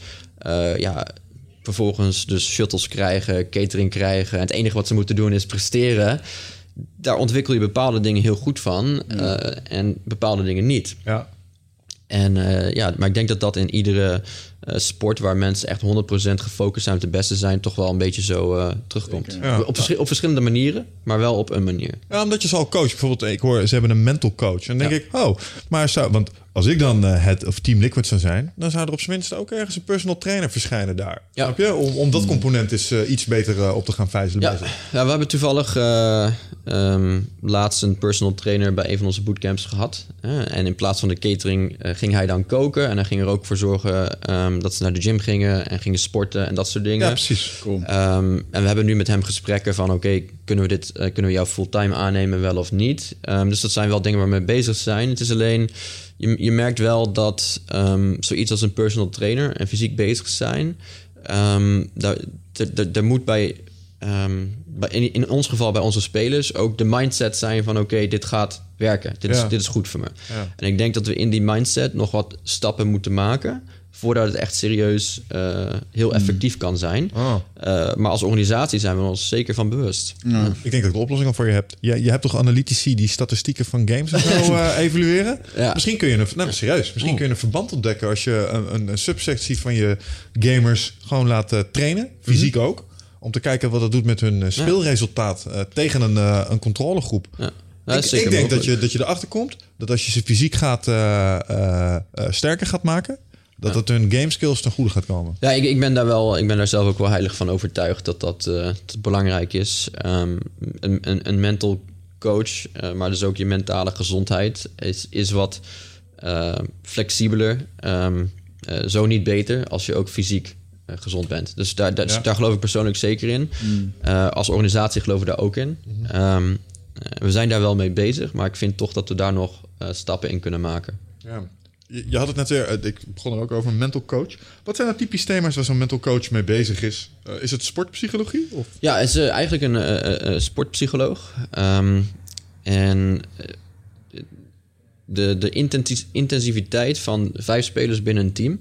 ehm, en, en de persoonlijkheden daarin die clashen. Oké, ik wil dat. Nee, ik wil dat. Of jij oefent niet genoeg. Of dit. Of feedback geven. Al dat soort dingen zorgt voor heel veel ehm, ja, irritatie. En dat is nog licht gezet. Het is gewoon een enorme uitdaging om vijf spelers... allemaal like-minded dezelfde kant op te laten gaan. En zo'n ja, zo'n mental coach kan daar enorm veel bij helpen. Van oké, hoe communiceer je met elkaar? Ehm, wanneer doe je dat? Ehm, en, en, en wanneer doe je het wel, wanneer doe je het niet? En ook, ja, hoe voel je daarbij? Al dat Ja. soort dingen. Dit zou wel goede reality tv maken, denk ik. Tough, maar dan voor gamers. De Ultimate Ja. Fighter. Dat Ja. was zo'n eh, UFC-serie Ja. waarbij ze vechters ook in zo'n huis volgden en zo. En met trainen en dan naar een toernooi toe werkten. Ja, Het zou wel kunnen werken hier, Dat denk heeft ik. de UFC op het grote podium gezet hoor. Dat daar gewoon in één keer dat je zag achter de schermen wat die gasten allemaal deden. En, eh, Dat is waar, hè? Ja. Ze waren bijna vier toen ze dat... eh, ja, dat heeft echt gered. Dat heeft in één keer eh, een boost gegeven. Ja. Dat kwam ook wel door die finale partij die dan ook echt goed was. mhm. Ehm, hoe, hoe ga je om met... eh, want dan heb je te maken met jong gastje, 14 jaar, die het eigenlijk helemaal online maken. Mhm. Er komt in één keer geld binnen en eh, hoe ga je... Je Ja. had het net over, er moeten contracten getekend worden. Maar iemand van 14 jaar, Ja. niet heel verstandig om een contract zelf te tekenen. Nou, ik, ik, hebben, hebben zelf niemand in dienst die 14 is. Ehm, dat is natuurlijk wel een leeftijd waar je die spellen, als je op je 18e goed wil zijn, dan was je, speelde je ook op je 14e. Ja. Eh, maar eigenlijk zijn, eh, is het, het grootste deel van onze spelers zijn boven de 18. Ehm, ik denk de gemiddelde leeftijd, moeten eens een keer opzoeken, maar van onze spelers gewoon 21 is of zo. Ehm, de, leeftijd, de leeftijd waarop je dit professioneel kan doen, wordt ook steeds hoger. Ehm, en ik, ik, ik denk dat dat te maken heeft met financiële zekerheid. Dus spelers krijgen steeds beter betaald, waardoor ze niet meer hoeven na te denken: oké, eh, zoals mijn beslissing vanuit Korea teruggaan naar de studie. Ja, dat heeft eigenlijk met, met, met een carrièrepad te maken. Ja. En ehm, dus ik stopte met StarCraft spelen op mijn twintigste. Hè, vanwege die beslissing. En dat zie je steeds minder. Hè? Dus de salarissen gaan omhoog. eh, en steeds meer spelers blijven gewoon doorspelen. Ja. Dus de gemiddelde leeftijd gaat omhoog. ehm, waardoor wij ook niet heel veel eh, echt jonge spelers hebben. Ik denk een paar spelers ehm, die we hebben aangenomen op hun zeventiende. Ehm, dus dat, dat kan nog wel voorkomen. Als ze onder de 18 zijn, dan gaan we ook het gesprek aan met de ouders. Ehm, leggen wij de ouders uit wat wij doen. En de ouders tekenen dan ook mee eh, op het contract. Ehm, maar over het algemeen hebben we niet zoveel eh, echt jonge jongeren. Ik zou echt trots zijn op mijn eh, dochter of zoontje. Dat die gewoon... eh, ja, Sorry man, ik, ik ben bang dat hier nog een kleine gender gap te overbruggen is. Want ik heb even gekeken op jullie website. Ja. Ik heb volgens mij niet één dame zien staan tussen de spelers. of wel? Nee, nee, nee. Ehm, wij zouden het graag willen, maar dat, eh, er zijn op dit moment eigenlijk geen, geen vrouwelijke spelers die op het, ehm, op het niveau van de mannen spelen, in ieder geval. En eh, er zijn ook niet. eh, De scheiding tussen competitie tussen man en vrouw is ook niet. ehm, ook, ook daar zijn geen, niet echt vrouwelijke toernooien die serieus op niveau georganiseerd worden. Dus dat is wel... eh, Maar dit is wel Ja, interessant. dat vind ik wel interessant. Want ik, Ja. ik, ik ben een keertje op de Gamescom eh, geweest. Eh, waar ik ook nog wel leuke anekdotes heb. Want ik werkte toen voor een financieel eh betaalplatform. Of een online betaalplatform. Een financieel dienstverlener. En eh, wij gingen daarheen om gesprekken te voeren met gasten van World of Warcraft. Of wij hun betalingen niet konden overnemen en doen. Maar de shitload aan meisjes die daar rond verkleed liepen als Japanse poppetjes. En eh Ja, bizarre wereld voor mij. Want ik, ik liep daar rond in mijn pak en ik voelde me bijna raar. Want ik zag complete SWAT-teams voorbij lopen. Als Counter-Strike verkleed. Eh, Meisjes als Japanse poppetjes van die manga dingen. Allemaal met dat dingetje op die computer, weet je wel. Met, of tenminste helemaal gefocust. En Ja. eh, ik dacht echt, wow, er zijn ook een hele hoop meiden die dit... eh, Ja, nou goed, er zijn, er zijn een aantal dingen denk ik in, in de maatschappij die daarin mee, spelen. En, en nogmaals, eh e-sports is niet hetzelfde als gaming, ondanks dat het wel gaming is. Ehm, en vrouwen spelen uiteraard wel spellen. Hè? En, ehm, dus dus, dus daar, daar, ligt, daar ligt het niet aan. Maar welke spellen spelen ze? Er zijn niet de spellen die, waar wij mee bezig zijn. Ja. Dus een Gamescom is denk ik meer representatief voor het feit dat vrouwen inderdaad met gamen bezig zijn. ja. Ehm, maar als je naar e-sports kijkt, eh, wat, wat competitie op ja, het aller, allerhoogste niveau is. Ik, denk dat sowieso ehm, de, de, de, de spelers die bij ons top zijn, dat ze, als, je, als je kijkt naar de, de, de kindercultuur van mannen en vrouwen, hè, daar zit al verschil in, in hoe ouders hun kind pushen naar welke kant op. Eh, competitie. Dat is niet gelijk. Hè? Dus daardoor krijg je al een, een kleinere groep vrouwen die serieus bezig is met competitie. Nou goed, daar als je echt verschil wil maken in zoiets als eh, sta- statistisch gezien of er vrouwen bij ons op topniveau spelen, dan gaat het helemaal terug, denk ik, naar, naar opvoeding. Ehm, en daar heb je gewoon meer tijd voor nodig. Dus ik denk dat, dat als kinderen, eh, als, als, als jongetjes en meisjes precies hetzelfde opgevoed worden, qua ehm, eh, ja, hoeveel nadruk er wordt gelegd op competitie en winnen en, en alles wat daar te maken mee heeft. Ja, en je doet dat 20 jaar, laten we het dan eens even erover gaan hebben. Want dan denk ik echt dat er verschil is. eh, en dat er, dat er inderdaad ook vrouwen aan de top eh, meedragen, eh, draaien. Dus ik denk dat dat al een uitdaging is. Ehm, ik denk ook dat ja, de online cultuur niet echt vrouwvriendelijk is. Ehm, het, is het is vrij ja, hard, om het zo maar te zeggen. Dus dat is natuurlijk ook niet echt motiverend. Doen jullie alles- dat met comments en dingen? Of ja, met, mensen com- met die, eh, comments en dingen. Als een, als een, als een vrouw eh ja, topgamer probeert te zijn... ehm, dan gaat het al snel niet meer om het spel. Qua, ja, je, moet, je moet je eigenlijk voorstellen dat... ehm, als je naar voetbal kijkt of zo... en je kijkt een voetbalwedstrijd in de kroeg... en wat daar allemaal geroepen wordt, is kei en keihard. Maar iedereen weet, oké, ik zit in de, in de kroeg... eh, dit, dit bereikt niet iemand die het serieus gaat horen. Dus dat zeg je dan maar gewoon onder je vrienden. En dat is prima. Maar als je kijkt naar de eh, social media en de online cultuur... dan bereiken die dingen de mensen wel. Hè, dus als je diezelfde kroeg, eh, datzelfde kroegcommentaar op de Twitter zet of op de YouTube... Jullie zullen hier waarschijnlijk ook last van hebben. Ja, Ehm, dat, ga- dat gaat er heel hard aan toe. En eh, dat gaat er bij, bij, bij, als je dan als vrouwelijke gamer eh, daar iets mee probeert, dan, ja, dan is dat. eh, ja, dan moet je een hele, hele dikke huid voor hebben om daar ook nog eens doorheen te kunnen komen. Hè? Ah, dat En- vond ik dat op, wat jij mij toen op Twitch liet zien.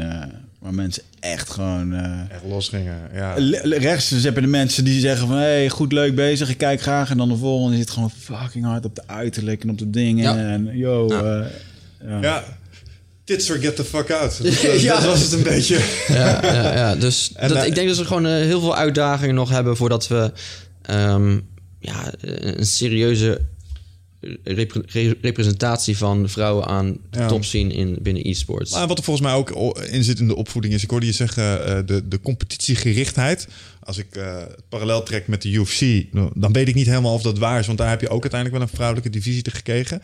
Maar omdat games ook een soort expo- of een verlengstuk zijn van speelgoed.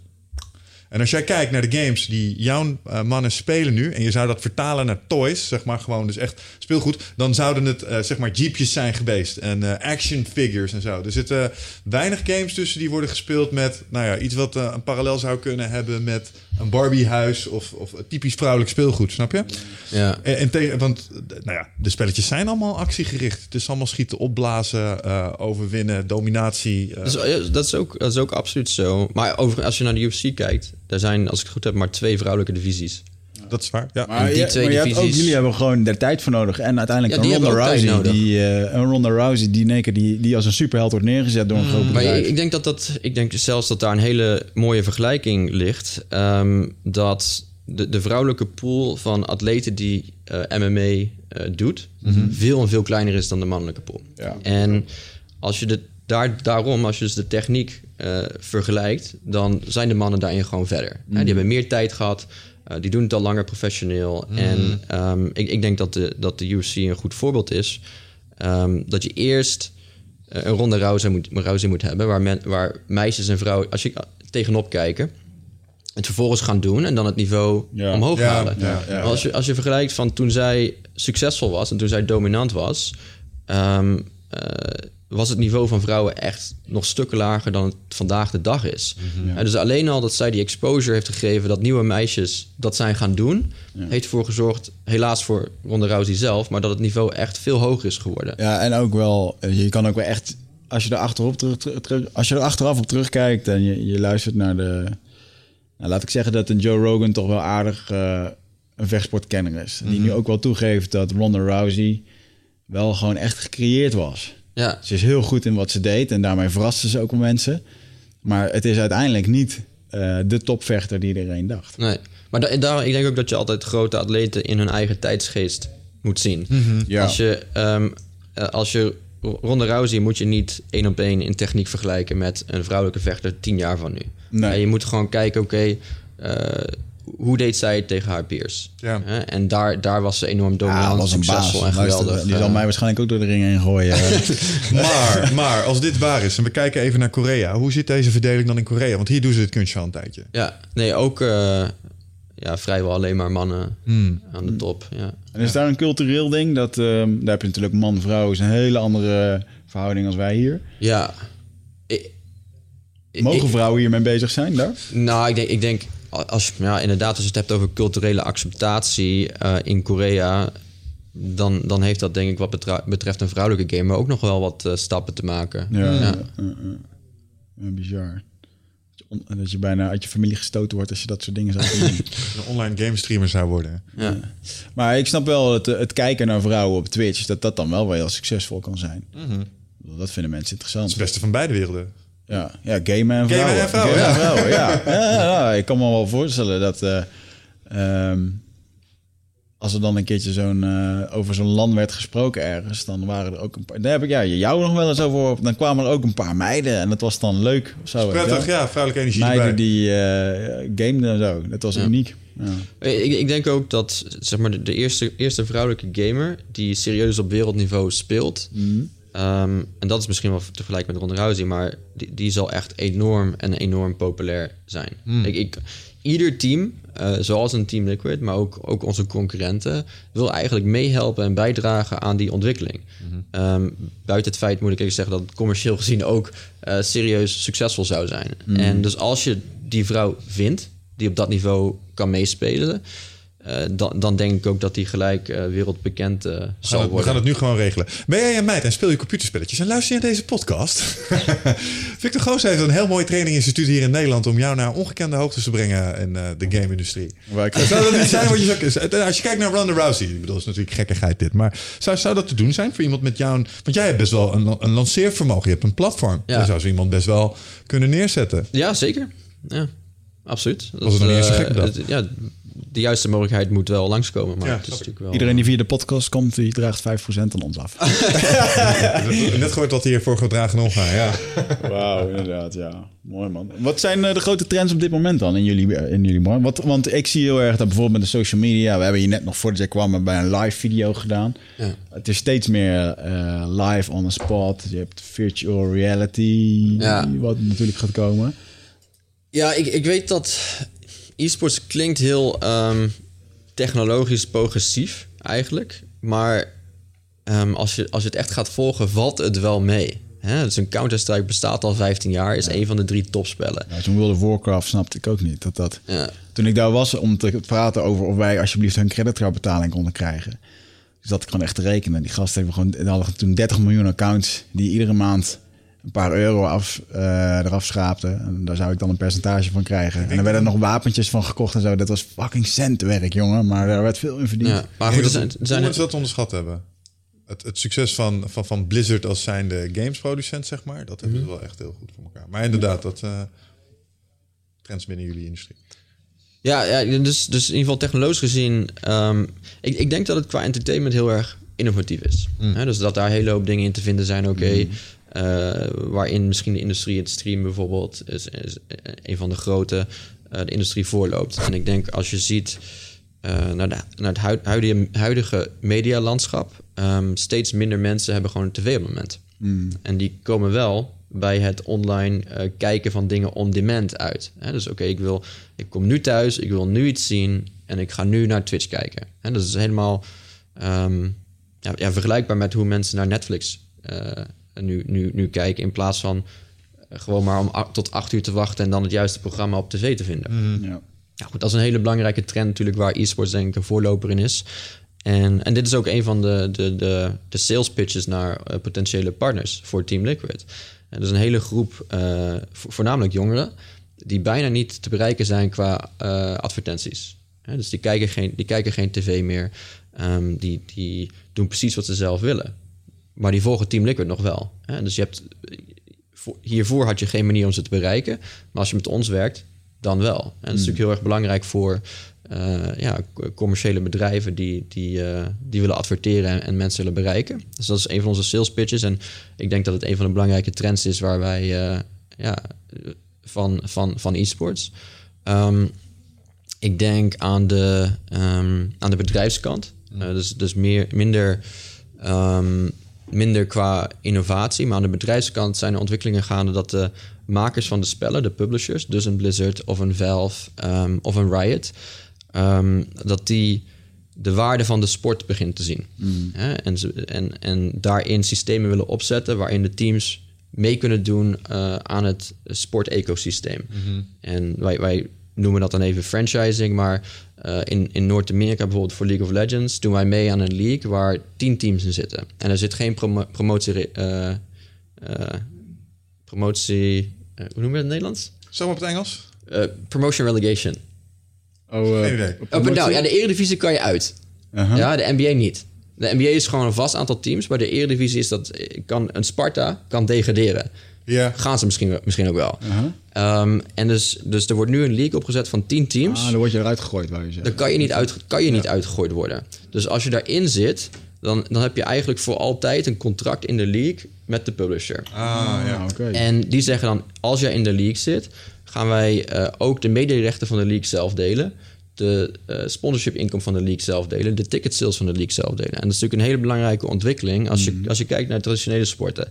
Eh, we gaan er maar uit dat het no- eh, vanuit dat het normaal is dat een Ajax, PSV, Feyenoord en de andere teams inkomsten verdienen uit de eredivisie. Maar dat, dat is niet, dat, dat is 100 jaar ontwikkeling dat je daarop uitkomt. Ehm, de NBA verdienen alle ploegen inkomsten uit de NBA. En ze zijn zelfs eigenaar daarvan. Dus ook, ook heel veel jaar ontwikkeling voordat je daarop uitkomt. Als je naar Tour de France kijkt, verdienen de teams daar niks aan. De, de ASO van de Tour de France is zo machtig dat ze zeggen: oké, eh, eh, dan kom je maar niet. En dan zeggen alle ploegen: ja, we komen toch wel. En dus die delen niet uit hun mediarechten en sponsorships en al dat soort dingen met de teams. Nou Ja. goed, dat is een situatie waar als Team Liquid natuurlijk koste wat kost willen voorkomen. Maar die hele onderhandeling van oké, waar, waar vallen teams binnen het ecosysteem en het delen van de, van de inkomsten van de leagues, dus niet van onze eigen partners, maar van de league partners. ehm, dat is iets waar we al heel lang mee bezig zijn. En steeds meer makers van spellen eh, zien teams dus als een, een eh, dusdanig belangrijke component dat ze vanuit hun systemen gaan opzetten waarin dat zo geregeld is. Ehm, en dat is, dat is een enorm belangrijke trend eh, voor, voor Team Liquid en binnen de Hoe industrie. bedoel je precies? Dat het ladder systeem dat in een game zit gebakken bijvoorbeeld hier al in voorziet? Nou, Nee, in, in dit geval, dus die tien teams van Noord-Amerika van, Mhm. van League of Legends, dat is gewoon de enige league die er bestaat. Eh, niemand anders mag toernooien organiseren. Dat is de enige plek waar je de competitie kan bekijken. Ja. Ehm, en eh, daar moest je dus ook voor inko- inkopen. Er zijn, ze, hadden, ze hebben op een gegeven moment gezegd: oké, er komen tien plekken eh, beschikbaar. Die staan vast. Er, kan niemand, er kan niemand meer uit. Dus dan heb je lange termijn overeenkomst, wat enorm goed is voor investeerders van Team Liquid. Dus iemand die wil investeren in Team Liquid ziet nu dat er iets is van permanent, vaste waarde. Iets Ja. waarvan je eigenlijk kan zeggen: oké, dat staat op de balans als een, als een huis bijna. Hè, een plek in die league. Ehm, en dus daar gaan we dus de inkomsten van delen met die teams. Maar eh, wij gaan dat opzetten en we willen wel de juiste partners. Dus de inkoop van die league kost 10 miljoen. Dus je 10 miljoen eh, moet je neerleggen om mee te mogen doen. En- Zijn het team. Ja, als team. Jezus. Dus ieder, ieder van die 10 teams betaalt 10 miljoen om, om in die league mee te mogen doen.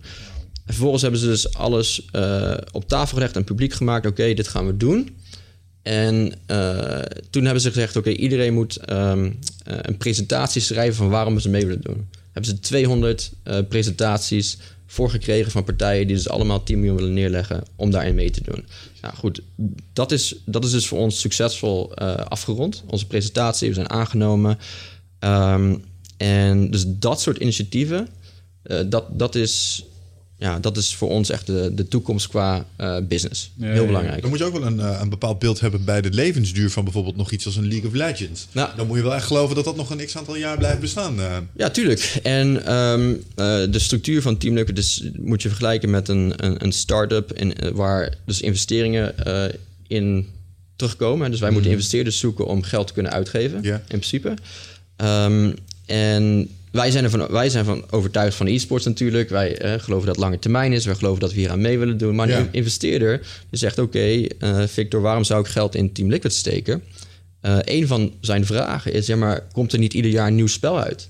Dat zou ook mijn ding zijn. Van waarom is een. Want maar als je naar Counter-Strike kijkt, dan zeg je nee, spellen kunnen 15 jaar mee. Als je naar World of Warcraft kijkt, die hebben ook nog steeds nou, geen 30 miljoen subscriptions meer, maar wel een heleboel. Ja, Wat is het inderdaad wat ervoor zorgt dat zo'n community bij bijvoorbeeld een League of Legends blijft zitten en niet naar Hearts of the Storm gaat, wat een soort gelijk is? Of Ja. Smite of wat dan ook. Ah, ik, ik denk toch dat eh, ja, het, het sportaspect... Uiteindelijk heb je iets gevonden wat goed bij je past... wat jij leuk vindt om naar te kijken. Ik, bedoel, ik heb geen idee hoe jullie bij eh, MMA en UFC zijn uitgekomen... maar ehm, dat, dat, dat past goed. En ik, je zei dat je tot, eh, tot drie uur opleeft om te kijken. Het begint om drie uur, dus misschien wel wat langer.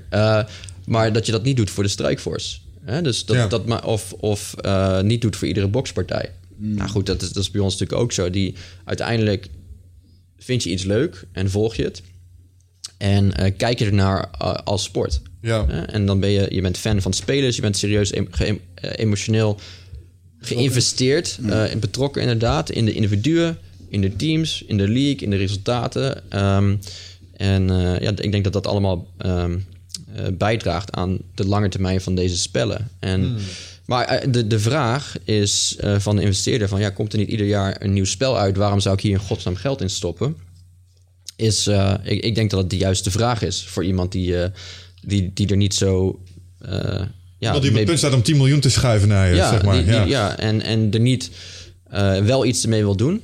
Dus wel iets met de industrie wil doen, maar nog niet alles volledig begrijpt. Nou, En vandaar ook, eh, ja, onze uitleg is dan ook inderdaad... League of Legends is 7 jaar oud, Counter-Strike is 15 jaar oud... Dota is 15 jaar oud. Hè? Dus er komen wel nieuwe spellen uit... en er komen ook nieuwe mogelijkheden uit voort. Eh, maar uiteindelijk geloven wij echt in de lange termijn... eh, van wat we aan het doen zijn. Ja. Je hebt het wel een beetje over, of jij noemde net 10 miljoen. Maar ik ben nou benieuwd, wat verdient een prof eh, speler? Ehm, pff, ehm, dat, is, dat ligt heel erg uit elkaar. Want wat ik zei, wij zitten als Team Liquid in 13 games. Hè, ehm, aan de top zitten de League of Legends spelers. En ik denk dat, die, dat er in Amerika eh, 10 teams... vij- pff, in Amerika alleen al eh, zo'n 50 man rondlopen... die gemiddeld eh, tegen de 3 ton per jaar verdienen. En dat is het gemiddelde. Dus dan, daar zitten nog uitschieters eh, boven. Ehm, ik Ik denk, had ik meer verwacht.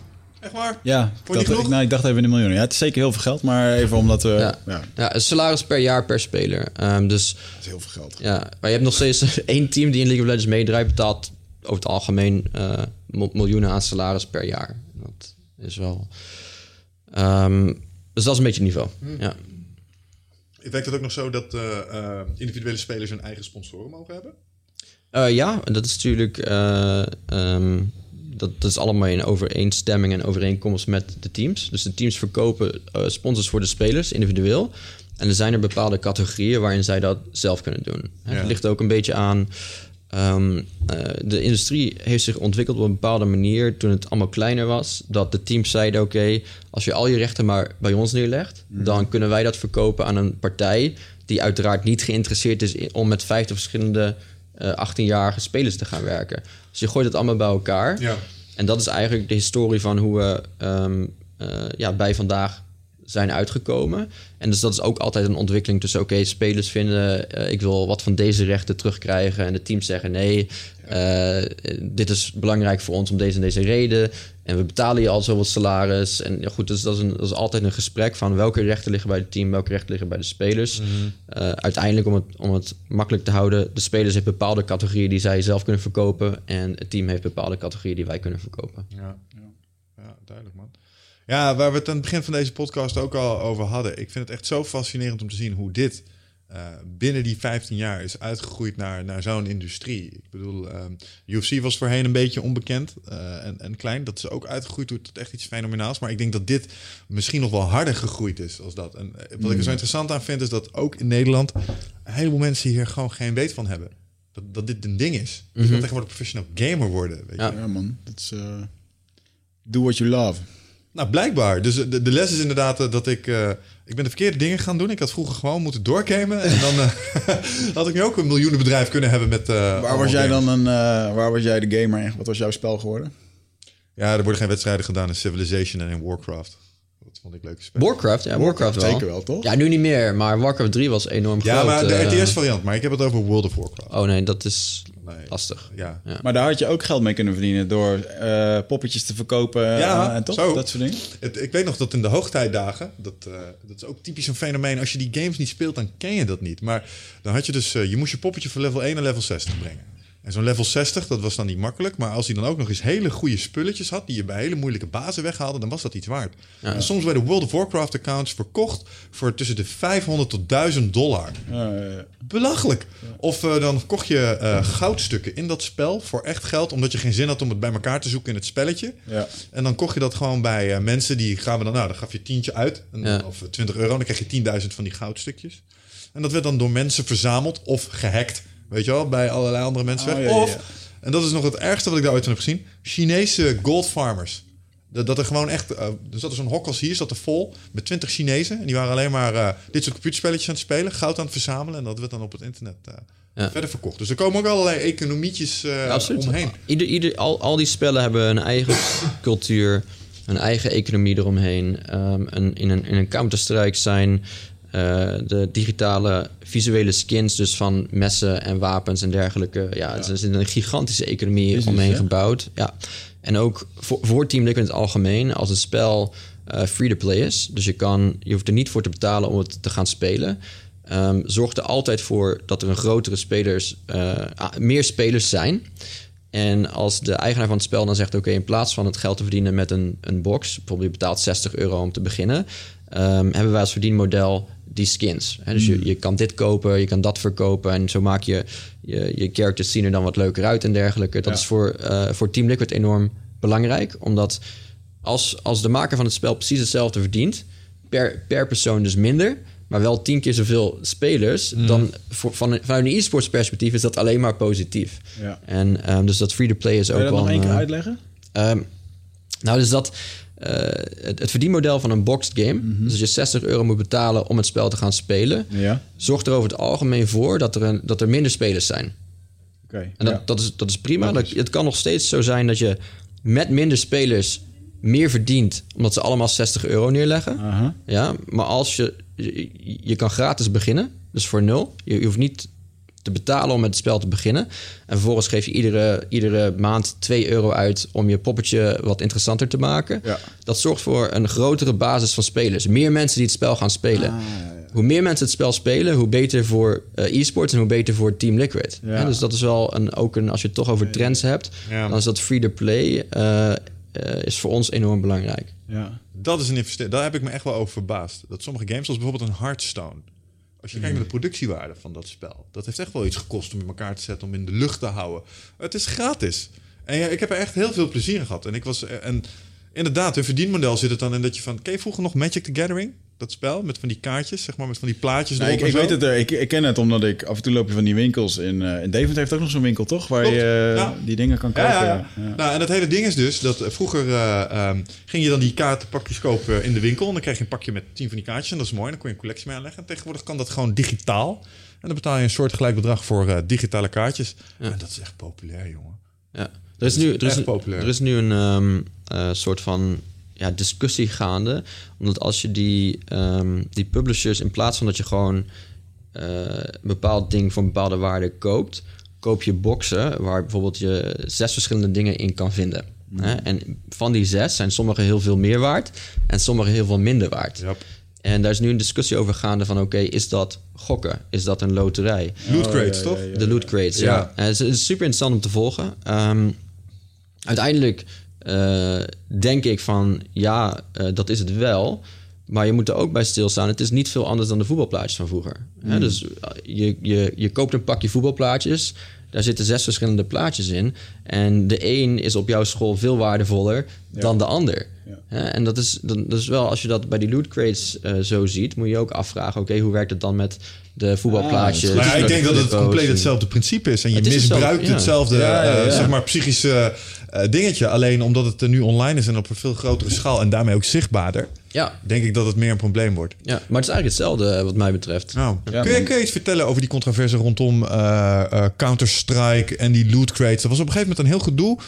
Ik, kloklepel. Ik weet niet precies wat aan de hand was, maar daar was ook ge- een gedoetje mee. Hoe zat dat?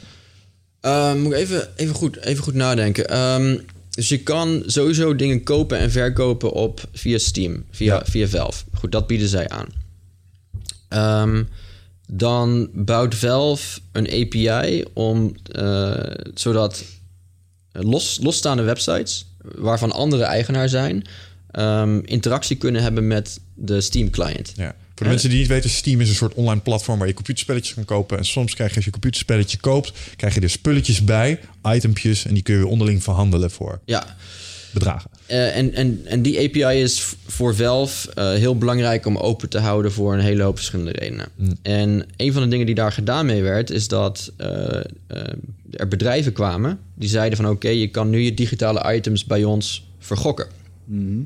Hè, je kan ze inzetten om andere items te winnen. Ehm, en er was, een, er was een heel groot schandaal omdat eh, er een aantal hele bekende influencers en, en YouTubers ehm, promotie maakten voor die gokwebsites. Terwijl het, het, het, probleem van die gokwebsites is niet zozeer... Kijk, ik heb, ik heb gepokerd. Ik doe, nog heel, ik doe nog behoorlijk wat aan MMA sportsbetting. overigens. Ja. Ja, dus het is niet, het is niet een, ehm, het is niet een area waar ik on- niet comfortabel mee ben. Alleen eh, ook door die ervaringen weet ik ook hoe belangrijk het is dat, die, dat, het om die, dat je de juiste partijen erachter hebt staan. En dit gingen ook allemaal bedrijven in de meest rare landen.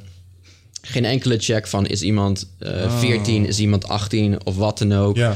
Eh, ze konden gewoon weglopen met het geld. Kijk, als er als een, een, een, een bepaald gokbedrijf al 50 jaar eh, eh, reputatie heeft, dan is dat heel anders. En van Ja. deze, deze bedrijven waren eigenlijk niet echt. Een groot deel daarvan was niet te vertrouwen. En dat is, dat, is, dat is gewoon een linker situatie, omdat heel veel kinderen dan daar hun items zitten te vergokken. En misschien dat iemand hier naar luistert en denkt van ja, een paar items vergokken, no big deal. Maar die dingen zijn gewoon duizenden euro's of dollars waard. Ja. Eh, per stuk. Dat gaat om serieus veel geld. Eh, en kinderen die met creditcards eh, daar, of daar verslaafd aan raken of wat dan ook. Nou goed, die, die third-party websites, ehm, daar, daar is een hele hoop schandalen mee te doen. Dat was het dus. Ja, ja. En, en er zijn ook dus mensen die die dingen promoten. En vervolgens niet gedeeld hebben dat zij ze aan het promoten waren. Dus je laat ze zien op je YouTube of wat dan ook. En je doet alsof het authentiek is. Zonder even te zeggen: hey, eh, dit is een partner of dit is een sponsor. En ik, ik krijg hiervoor betaald. Eh, even heads up. En dat is ook belangrijk, want dat, dat mag ook niet. Ehm, ja, goed, eh, daar was een heel schandaal mee te doen. En een aantal van die spelers zijn uiteindelijk. Een aantal van die influencers waren niet echt waren niet echt topspelers binnen e-sports. Dus het zit wel weer raakvlak met wat wij doen. Eh, maar het ging meer om hele populaire influencers die niet op topniveau speelden of zo. Ehm, en eh, dus ik, ik denk dat je dat. Ja, nou, oké, maar dat snap ik controversie. Want ik weet dat het om die loot crates ging. Ik dacht dat het meer op het gokcomponent zat. Maar wat je daarom schrijft over influencers... die dus eigenlijk eh, die dienst aan het promoten waren... zonder dat ze daar een heads-up op gaven... Ja. dat was het, eh, het controversiële eraan. Ja, het, het, het, het- als ik het goed heb, was het nog extremer zelfs. Dus aan de ene kant zeiden ze het niet, eh, maar gingen ze op hun eigen stream gokken op die websites. ja, ja, ja. ja. Oké, nou bleek achteraf dat zij van die websites waar ze samen mee werkten, ja. ook nog eens informatie kregen waardoor ze zouden gaan winnen. Ah, zodat het eruit ziet alsof het hartstikke leuk is. Juist. En je ook al die endorfine release krijgt omdat iemand anders wint. Ja, dus ze wonnen ook nog Holy shit. eh, met kennis, met, met zeg maar eh, kennis die ze eigenlijk totaal niet zouden mogen hebben. Je, je hoort helemaal niet te kunnen bepalen wie wat gaat winnen als je aan dat soort dingen meedoet. Dat is geen gokken meer. Ja, ja, ja. Ja. Maar ik weet nog wel dat... eh, dat ik- ik ben toen een keertje naar een beurs geweest in Italië. Eh, omdat ik uiteindelijk misschien wel eens in, de, ehm, in het goksegment zou belanden voor eh, die online betalingen. Oh. Ik ben uiteindelijk in een retail en fashion eh, beland. En er was een beurs specifiek voor modules. In Italië was dat. Sterker nog, het was in Malta. Want in Malta zitten al die gokbedrijven vanwege belasting en dingen. En daar mag je gokken. Ja. En er was een beurs die, die bood modules aan. Dat als jij gokspelletjes wilde, ehm, wilde gaan creëren... dan hadden zij de module waarin je alles kon instellen, instellen over hoe vaak wie iemand kon winnen. En, Oh, eh, ja, ja, ja. Het zijn gewoon enginebouwers, weet ja, je. Ja, ja, ja. Ja, bizarre wereld. Ja. Ook dat creëert een fucking industrie, jongen. Ja, nou, dat, is het, dat is het gevaarlijke natuurlijk, of het, het verslavende concept achter games. Ik bedoel, waarom zijn ze zo ongelooflijk leuk? Omdat er een bepaalde risico-inspanning beloningscurve is eh, die ze gewoon heel goed weten te bespelen. En zeker als je er dingen voor krijgt die nog eens een monetaire waarde hebben ook. Oeh, dan wordt het heel interessant. Ja, nou, daar moeten we als maatschappij gewoon heel eh, eh, goed mee omgaan. Ja. dat Vind is, jij er eigenlijk van, eh Wiggert? Dat de influencers, zoals eh, die streamers, dan eh, eigenlijk een dienst promoten zonder dat ze van tevoren een heads-up geven dat ze een dienst promoten. Ik, ik denk dan direct, oeh, hebben wij dat hier ook niet gedaan? Wij hebben het hier ook wel eens gehad over bulletproof koffie. Verkopen we ook, snap je? Moeten we dan van tevoren aangeven Nou, vanaf je- nu, hey, we gaan bulletproof koffie drinken, we gaan zeggen dat het lekker is, maar we verkopen het ook. Ja, maar dat is natuurlijk een beetje de... ehm, als je op televisie een programma kijkt waar men eh, weet ik veel wat gaat doen en in één keer zitten ze zo'n blikje cola te drinken waar je echt dan het labeltje zo ziet. Ja. Ja, wat- Onbewust, weet Wat is je. dit dan? Grass Ja, Away ja. Protein van Nutrofit. By Nee, maar- that Ja, shit. oké, maar van, van, eh, voor, mij- voor mij voelt dit anders, want dit is gewoon ons en wie wij zijn. En ik denk dat voor zo'n streamer, ja, uiteindelijk krijgt hij daarvoor betaald. Ja, oké, oké. en ik denk als die gewoon zoiets heeft van, joh, ik krijg ervoor betaald. Ik weet het niet, man. Ik vind het moeilijker. Lastig. Nou, ik, denk in ieder geval, ik weet natuurlijk ook niet het, het fijne ervan, maar een heel belangrijk en, een verschil is wel dat er in heel veel promotie, ook al zeg je het niet, er wel een implicatie is van oké, je promoot iets. Hè, Ja. Dus als een Team Liquid speler loopt in een Team Liquid jersey rond en er staat gewoon heel groot Alienware op. Ja. Ja, dan snapt iedereen wel, dat Da- is een sponsor, daar betaalt iemand voor. Hè? Maar, ehm, maar er zijn ook, er zijn ook ehm, promotieconcepten waar je doet alsof je ergens oprecht aan meedoet. Of je iets oprecht doet. En dat, dan wordt het wat, eh, een wat grijzer gebied. Ah, het is sowieso heel lastig om. eh, ehm, we hebben ook wel eens aanvragen voor sponsoringen van de show gekregen. En dan dacht ik van ja, ga ik hier nou, ga ik hier nou echt over praten? Dat, dat ik dit wil aanbieden aan de luisteraars terwijl ik er zelf niet eens aan kijk? Of nee, weet je wel? Ja, En dat zou ook heel mijn geloofwaardigheid te niet doen. Anderzijds denk ik, ja, als je gewoon een gamer bent en eh, je kan een logo op t-shirt doen en eh, het zal jouw worst wezen als die gewoon betaalt, Mhm. Denk ik dat dat voor mij misschien anders zou zijn. Ja, Ja. tegelijkertijd. Ik weet het niet. Nee, maar, maar Ja. ook, ook dat, eh, kijk, jullie hebben natuurlijk je eigen podcast en ik denk dat daar eh, een veel persoonlijker gevoel aan zit. Mm. Hè, En daar moet je wel, dat, daar, daar hoort je je eigen overtuiging, maar ook je persoonlijke merk hangt daar wel aan vast. Ja. Ehm, en ik denk dat de ene setting heel anders is daarin dan, dan de andere setting. Ik denk dat, ehm, ja, ik, ik denk dat, dat het goed is dat jullie heel, heel serieus mee omgaan. Ja, ja, ja, ik denk ook wel. Ik denk wel dat het heel sterk is als je een gamer bent. En dat je gewoon eh, durft te kiezen voor bepaalde merken of niet. Die had je eigenlijk moeten opnemen als het een gesprek was. Dat levert altijd de meest hilarische situaties op in de podcast namelijk. Het, was, het was een alarm. Oh, jammer. Ah, Eh, maar nee, ik denk dat het heel sterk is ook als je als gamer zijn dat je gewoon kan kiezen voor even bepaalde dingen. Ga ik eh, niet. Ik vind het Alienware trouwens wel een heel gaaf spel. Ja. Ja. dat jullie daarmee werken. Kan Ja, je eens wat vertellen over die game facility die jullie met Alienware hebben? Jullie straks even een website zien. Ja, tuurlijk. Ehm, dus wij hebben als Team Liquid hebben we twee hoofdkantoren. Hè, ehm, en misschien ook een klein beetje van mijn achtergrond eh, dat wel handig is. Want ik heb natuurlijk Team Liquid wel opgericht. Maar ehm, ik ben het al lang niet meer alleen. Eh, ik ben in ehm, eind 2014, begin 2015 heb ik het bedrijf gemerged. Samen met een Noord-Amerikaans, ook e-sports team. Ehm, eh, en em, vandaag de dag ben ik co-CEO, een van de twee CEO's. En de, de jongen waarmee ik toen gemerged ben, Steve Arnset, is ook CEO. We zijn allebei CEO, als co-CEO doorgegaan vanaf begin 2015. Eh, daarom hebben we ook een hele grote presence in Noord-Amerika eh, en ook in Europa. En überhaupt hebben wij een, een wereldwijde aanpak.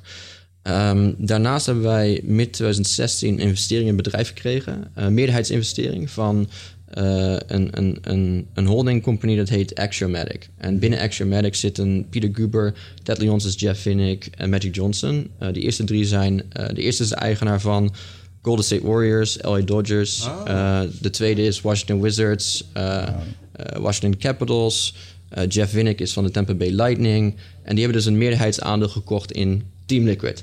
Dus eh, ik ben al heel lang niet meer alleen eigenaar, maar ik ben no- nog wel eh, eh, een van de twee CEO's en eigenaar in het bedrijf.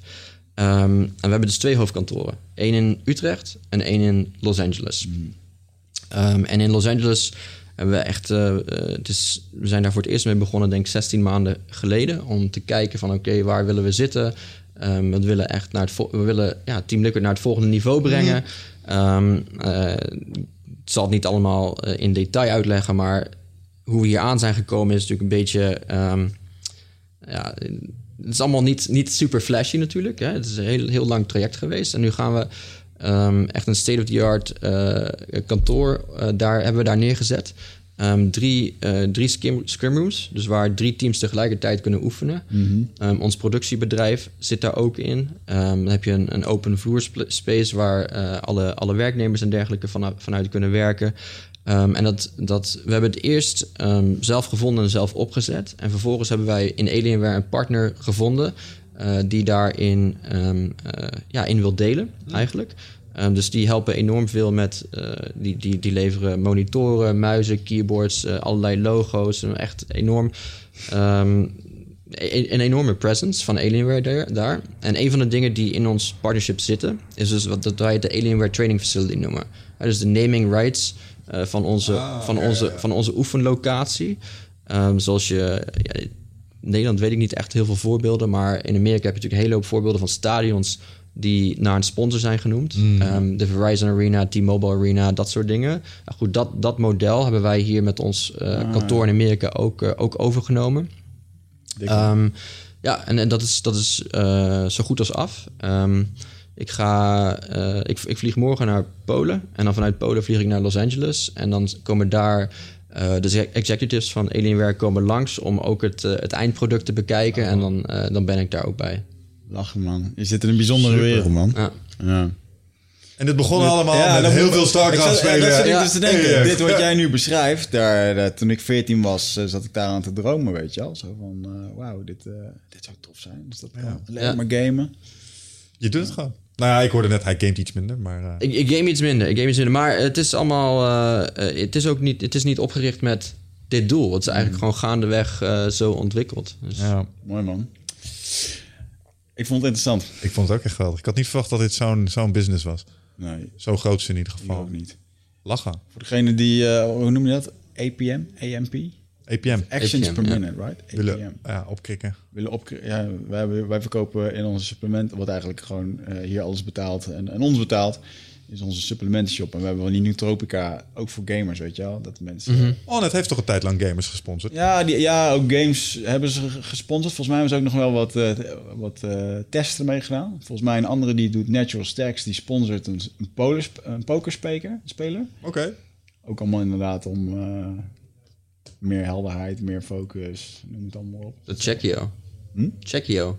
Een drankje die een pokerspelen Nee, nee, nee, sponsort. nee, Natural Oh, oké. Stacks. Ja. Dat, eh, nee, die. ehm, moet ik wel zeggen dat die pokerspelerwereld is natuurlijk wel wat. eh, ik weet niet, ik vind dat wel dodgy. ergens. Om daar al die sponsors te zien en zo. En, eh, was dat niet ook het, niet- dat World, World Poker of zo? Dat sponsorde ook al die Poker, vechters dat toen op een gegeven moment wegviel. Ja? Ja. Ja, ja, dat Ja. sponsorde ook al die vechters. En op een gegeven moment bleek dat ook niet zo... eh, Ja, klopt, ja. Maar ik vind het wel bijzonder, man. Met gamers en ik denk ook zeker wel dat... eh, dat goede voeding en je hele dag achter die computer... Het doet echt wel wat met je brein en met je hoofd. Eh. het Ja. is goed om de aandacht aan te Nou, ik heb besloten, ik ga stoppen met Nutrofit en eindbazen. Ik ga gewoon StarCraft Jij 2 gaat- zomaar weer eens installeren. En ik bel jou straks even. Ik ga, ik ga gewoon Oké. naakt twitchen en... eh We hebben Indianen toy op. Zou mooi zijn. Gewoon kijken welk concept aanslaat, weet je Met niks anders dan een Indianatoy. Ik denk Ja. dat je binnen 24 uur geband bent en nooit meer terug mag komen. Oh ja, dat zijn natuurlijk weer... Geen, geen tepels. geen tepels, nee. Oké. Hey, man. dankjewel man. Ik eh, wens je onwijs veel succes met je bedrijven. En eh, wellicht zien we je nog een keertje terug. Ja, nou, hartstikke bedankt. Tot de volgende keer. Oké, luisteraars. Tot dan. Ciao.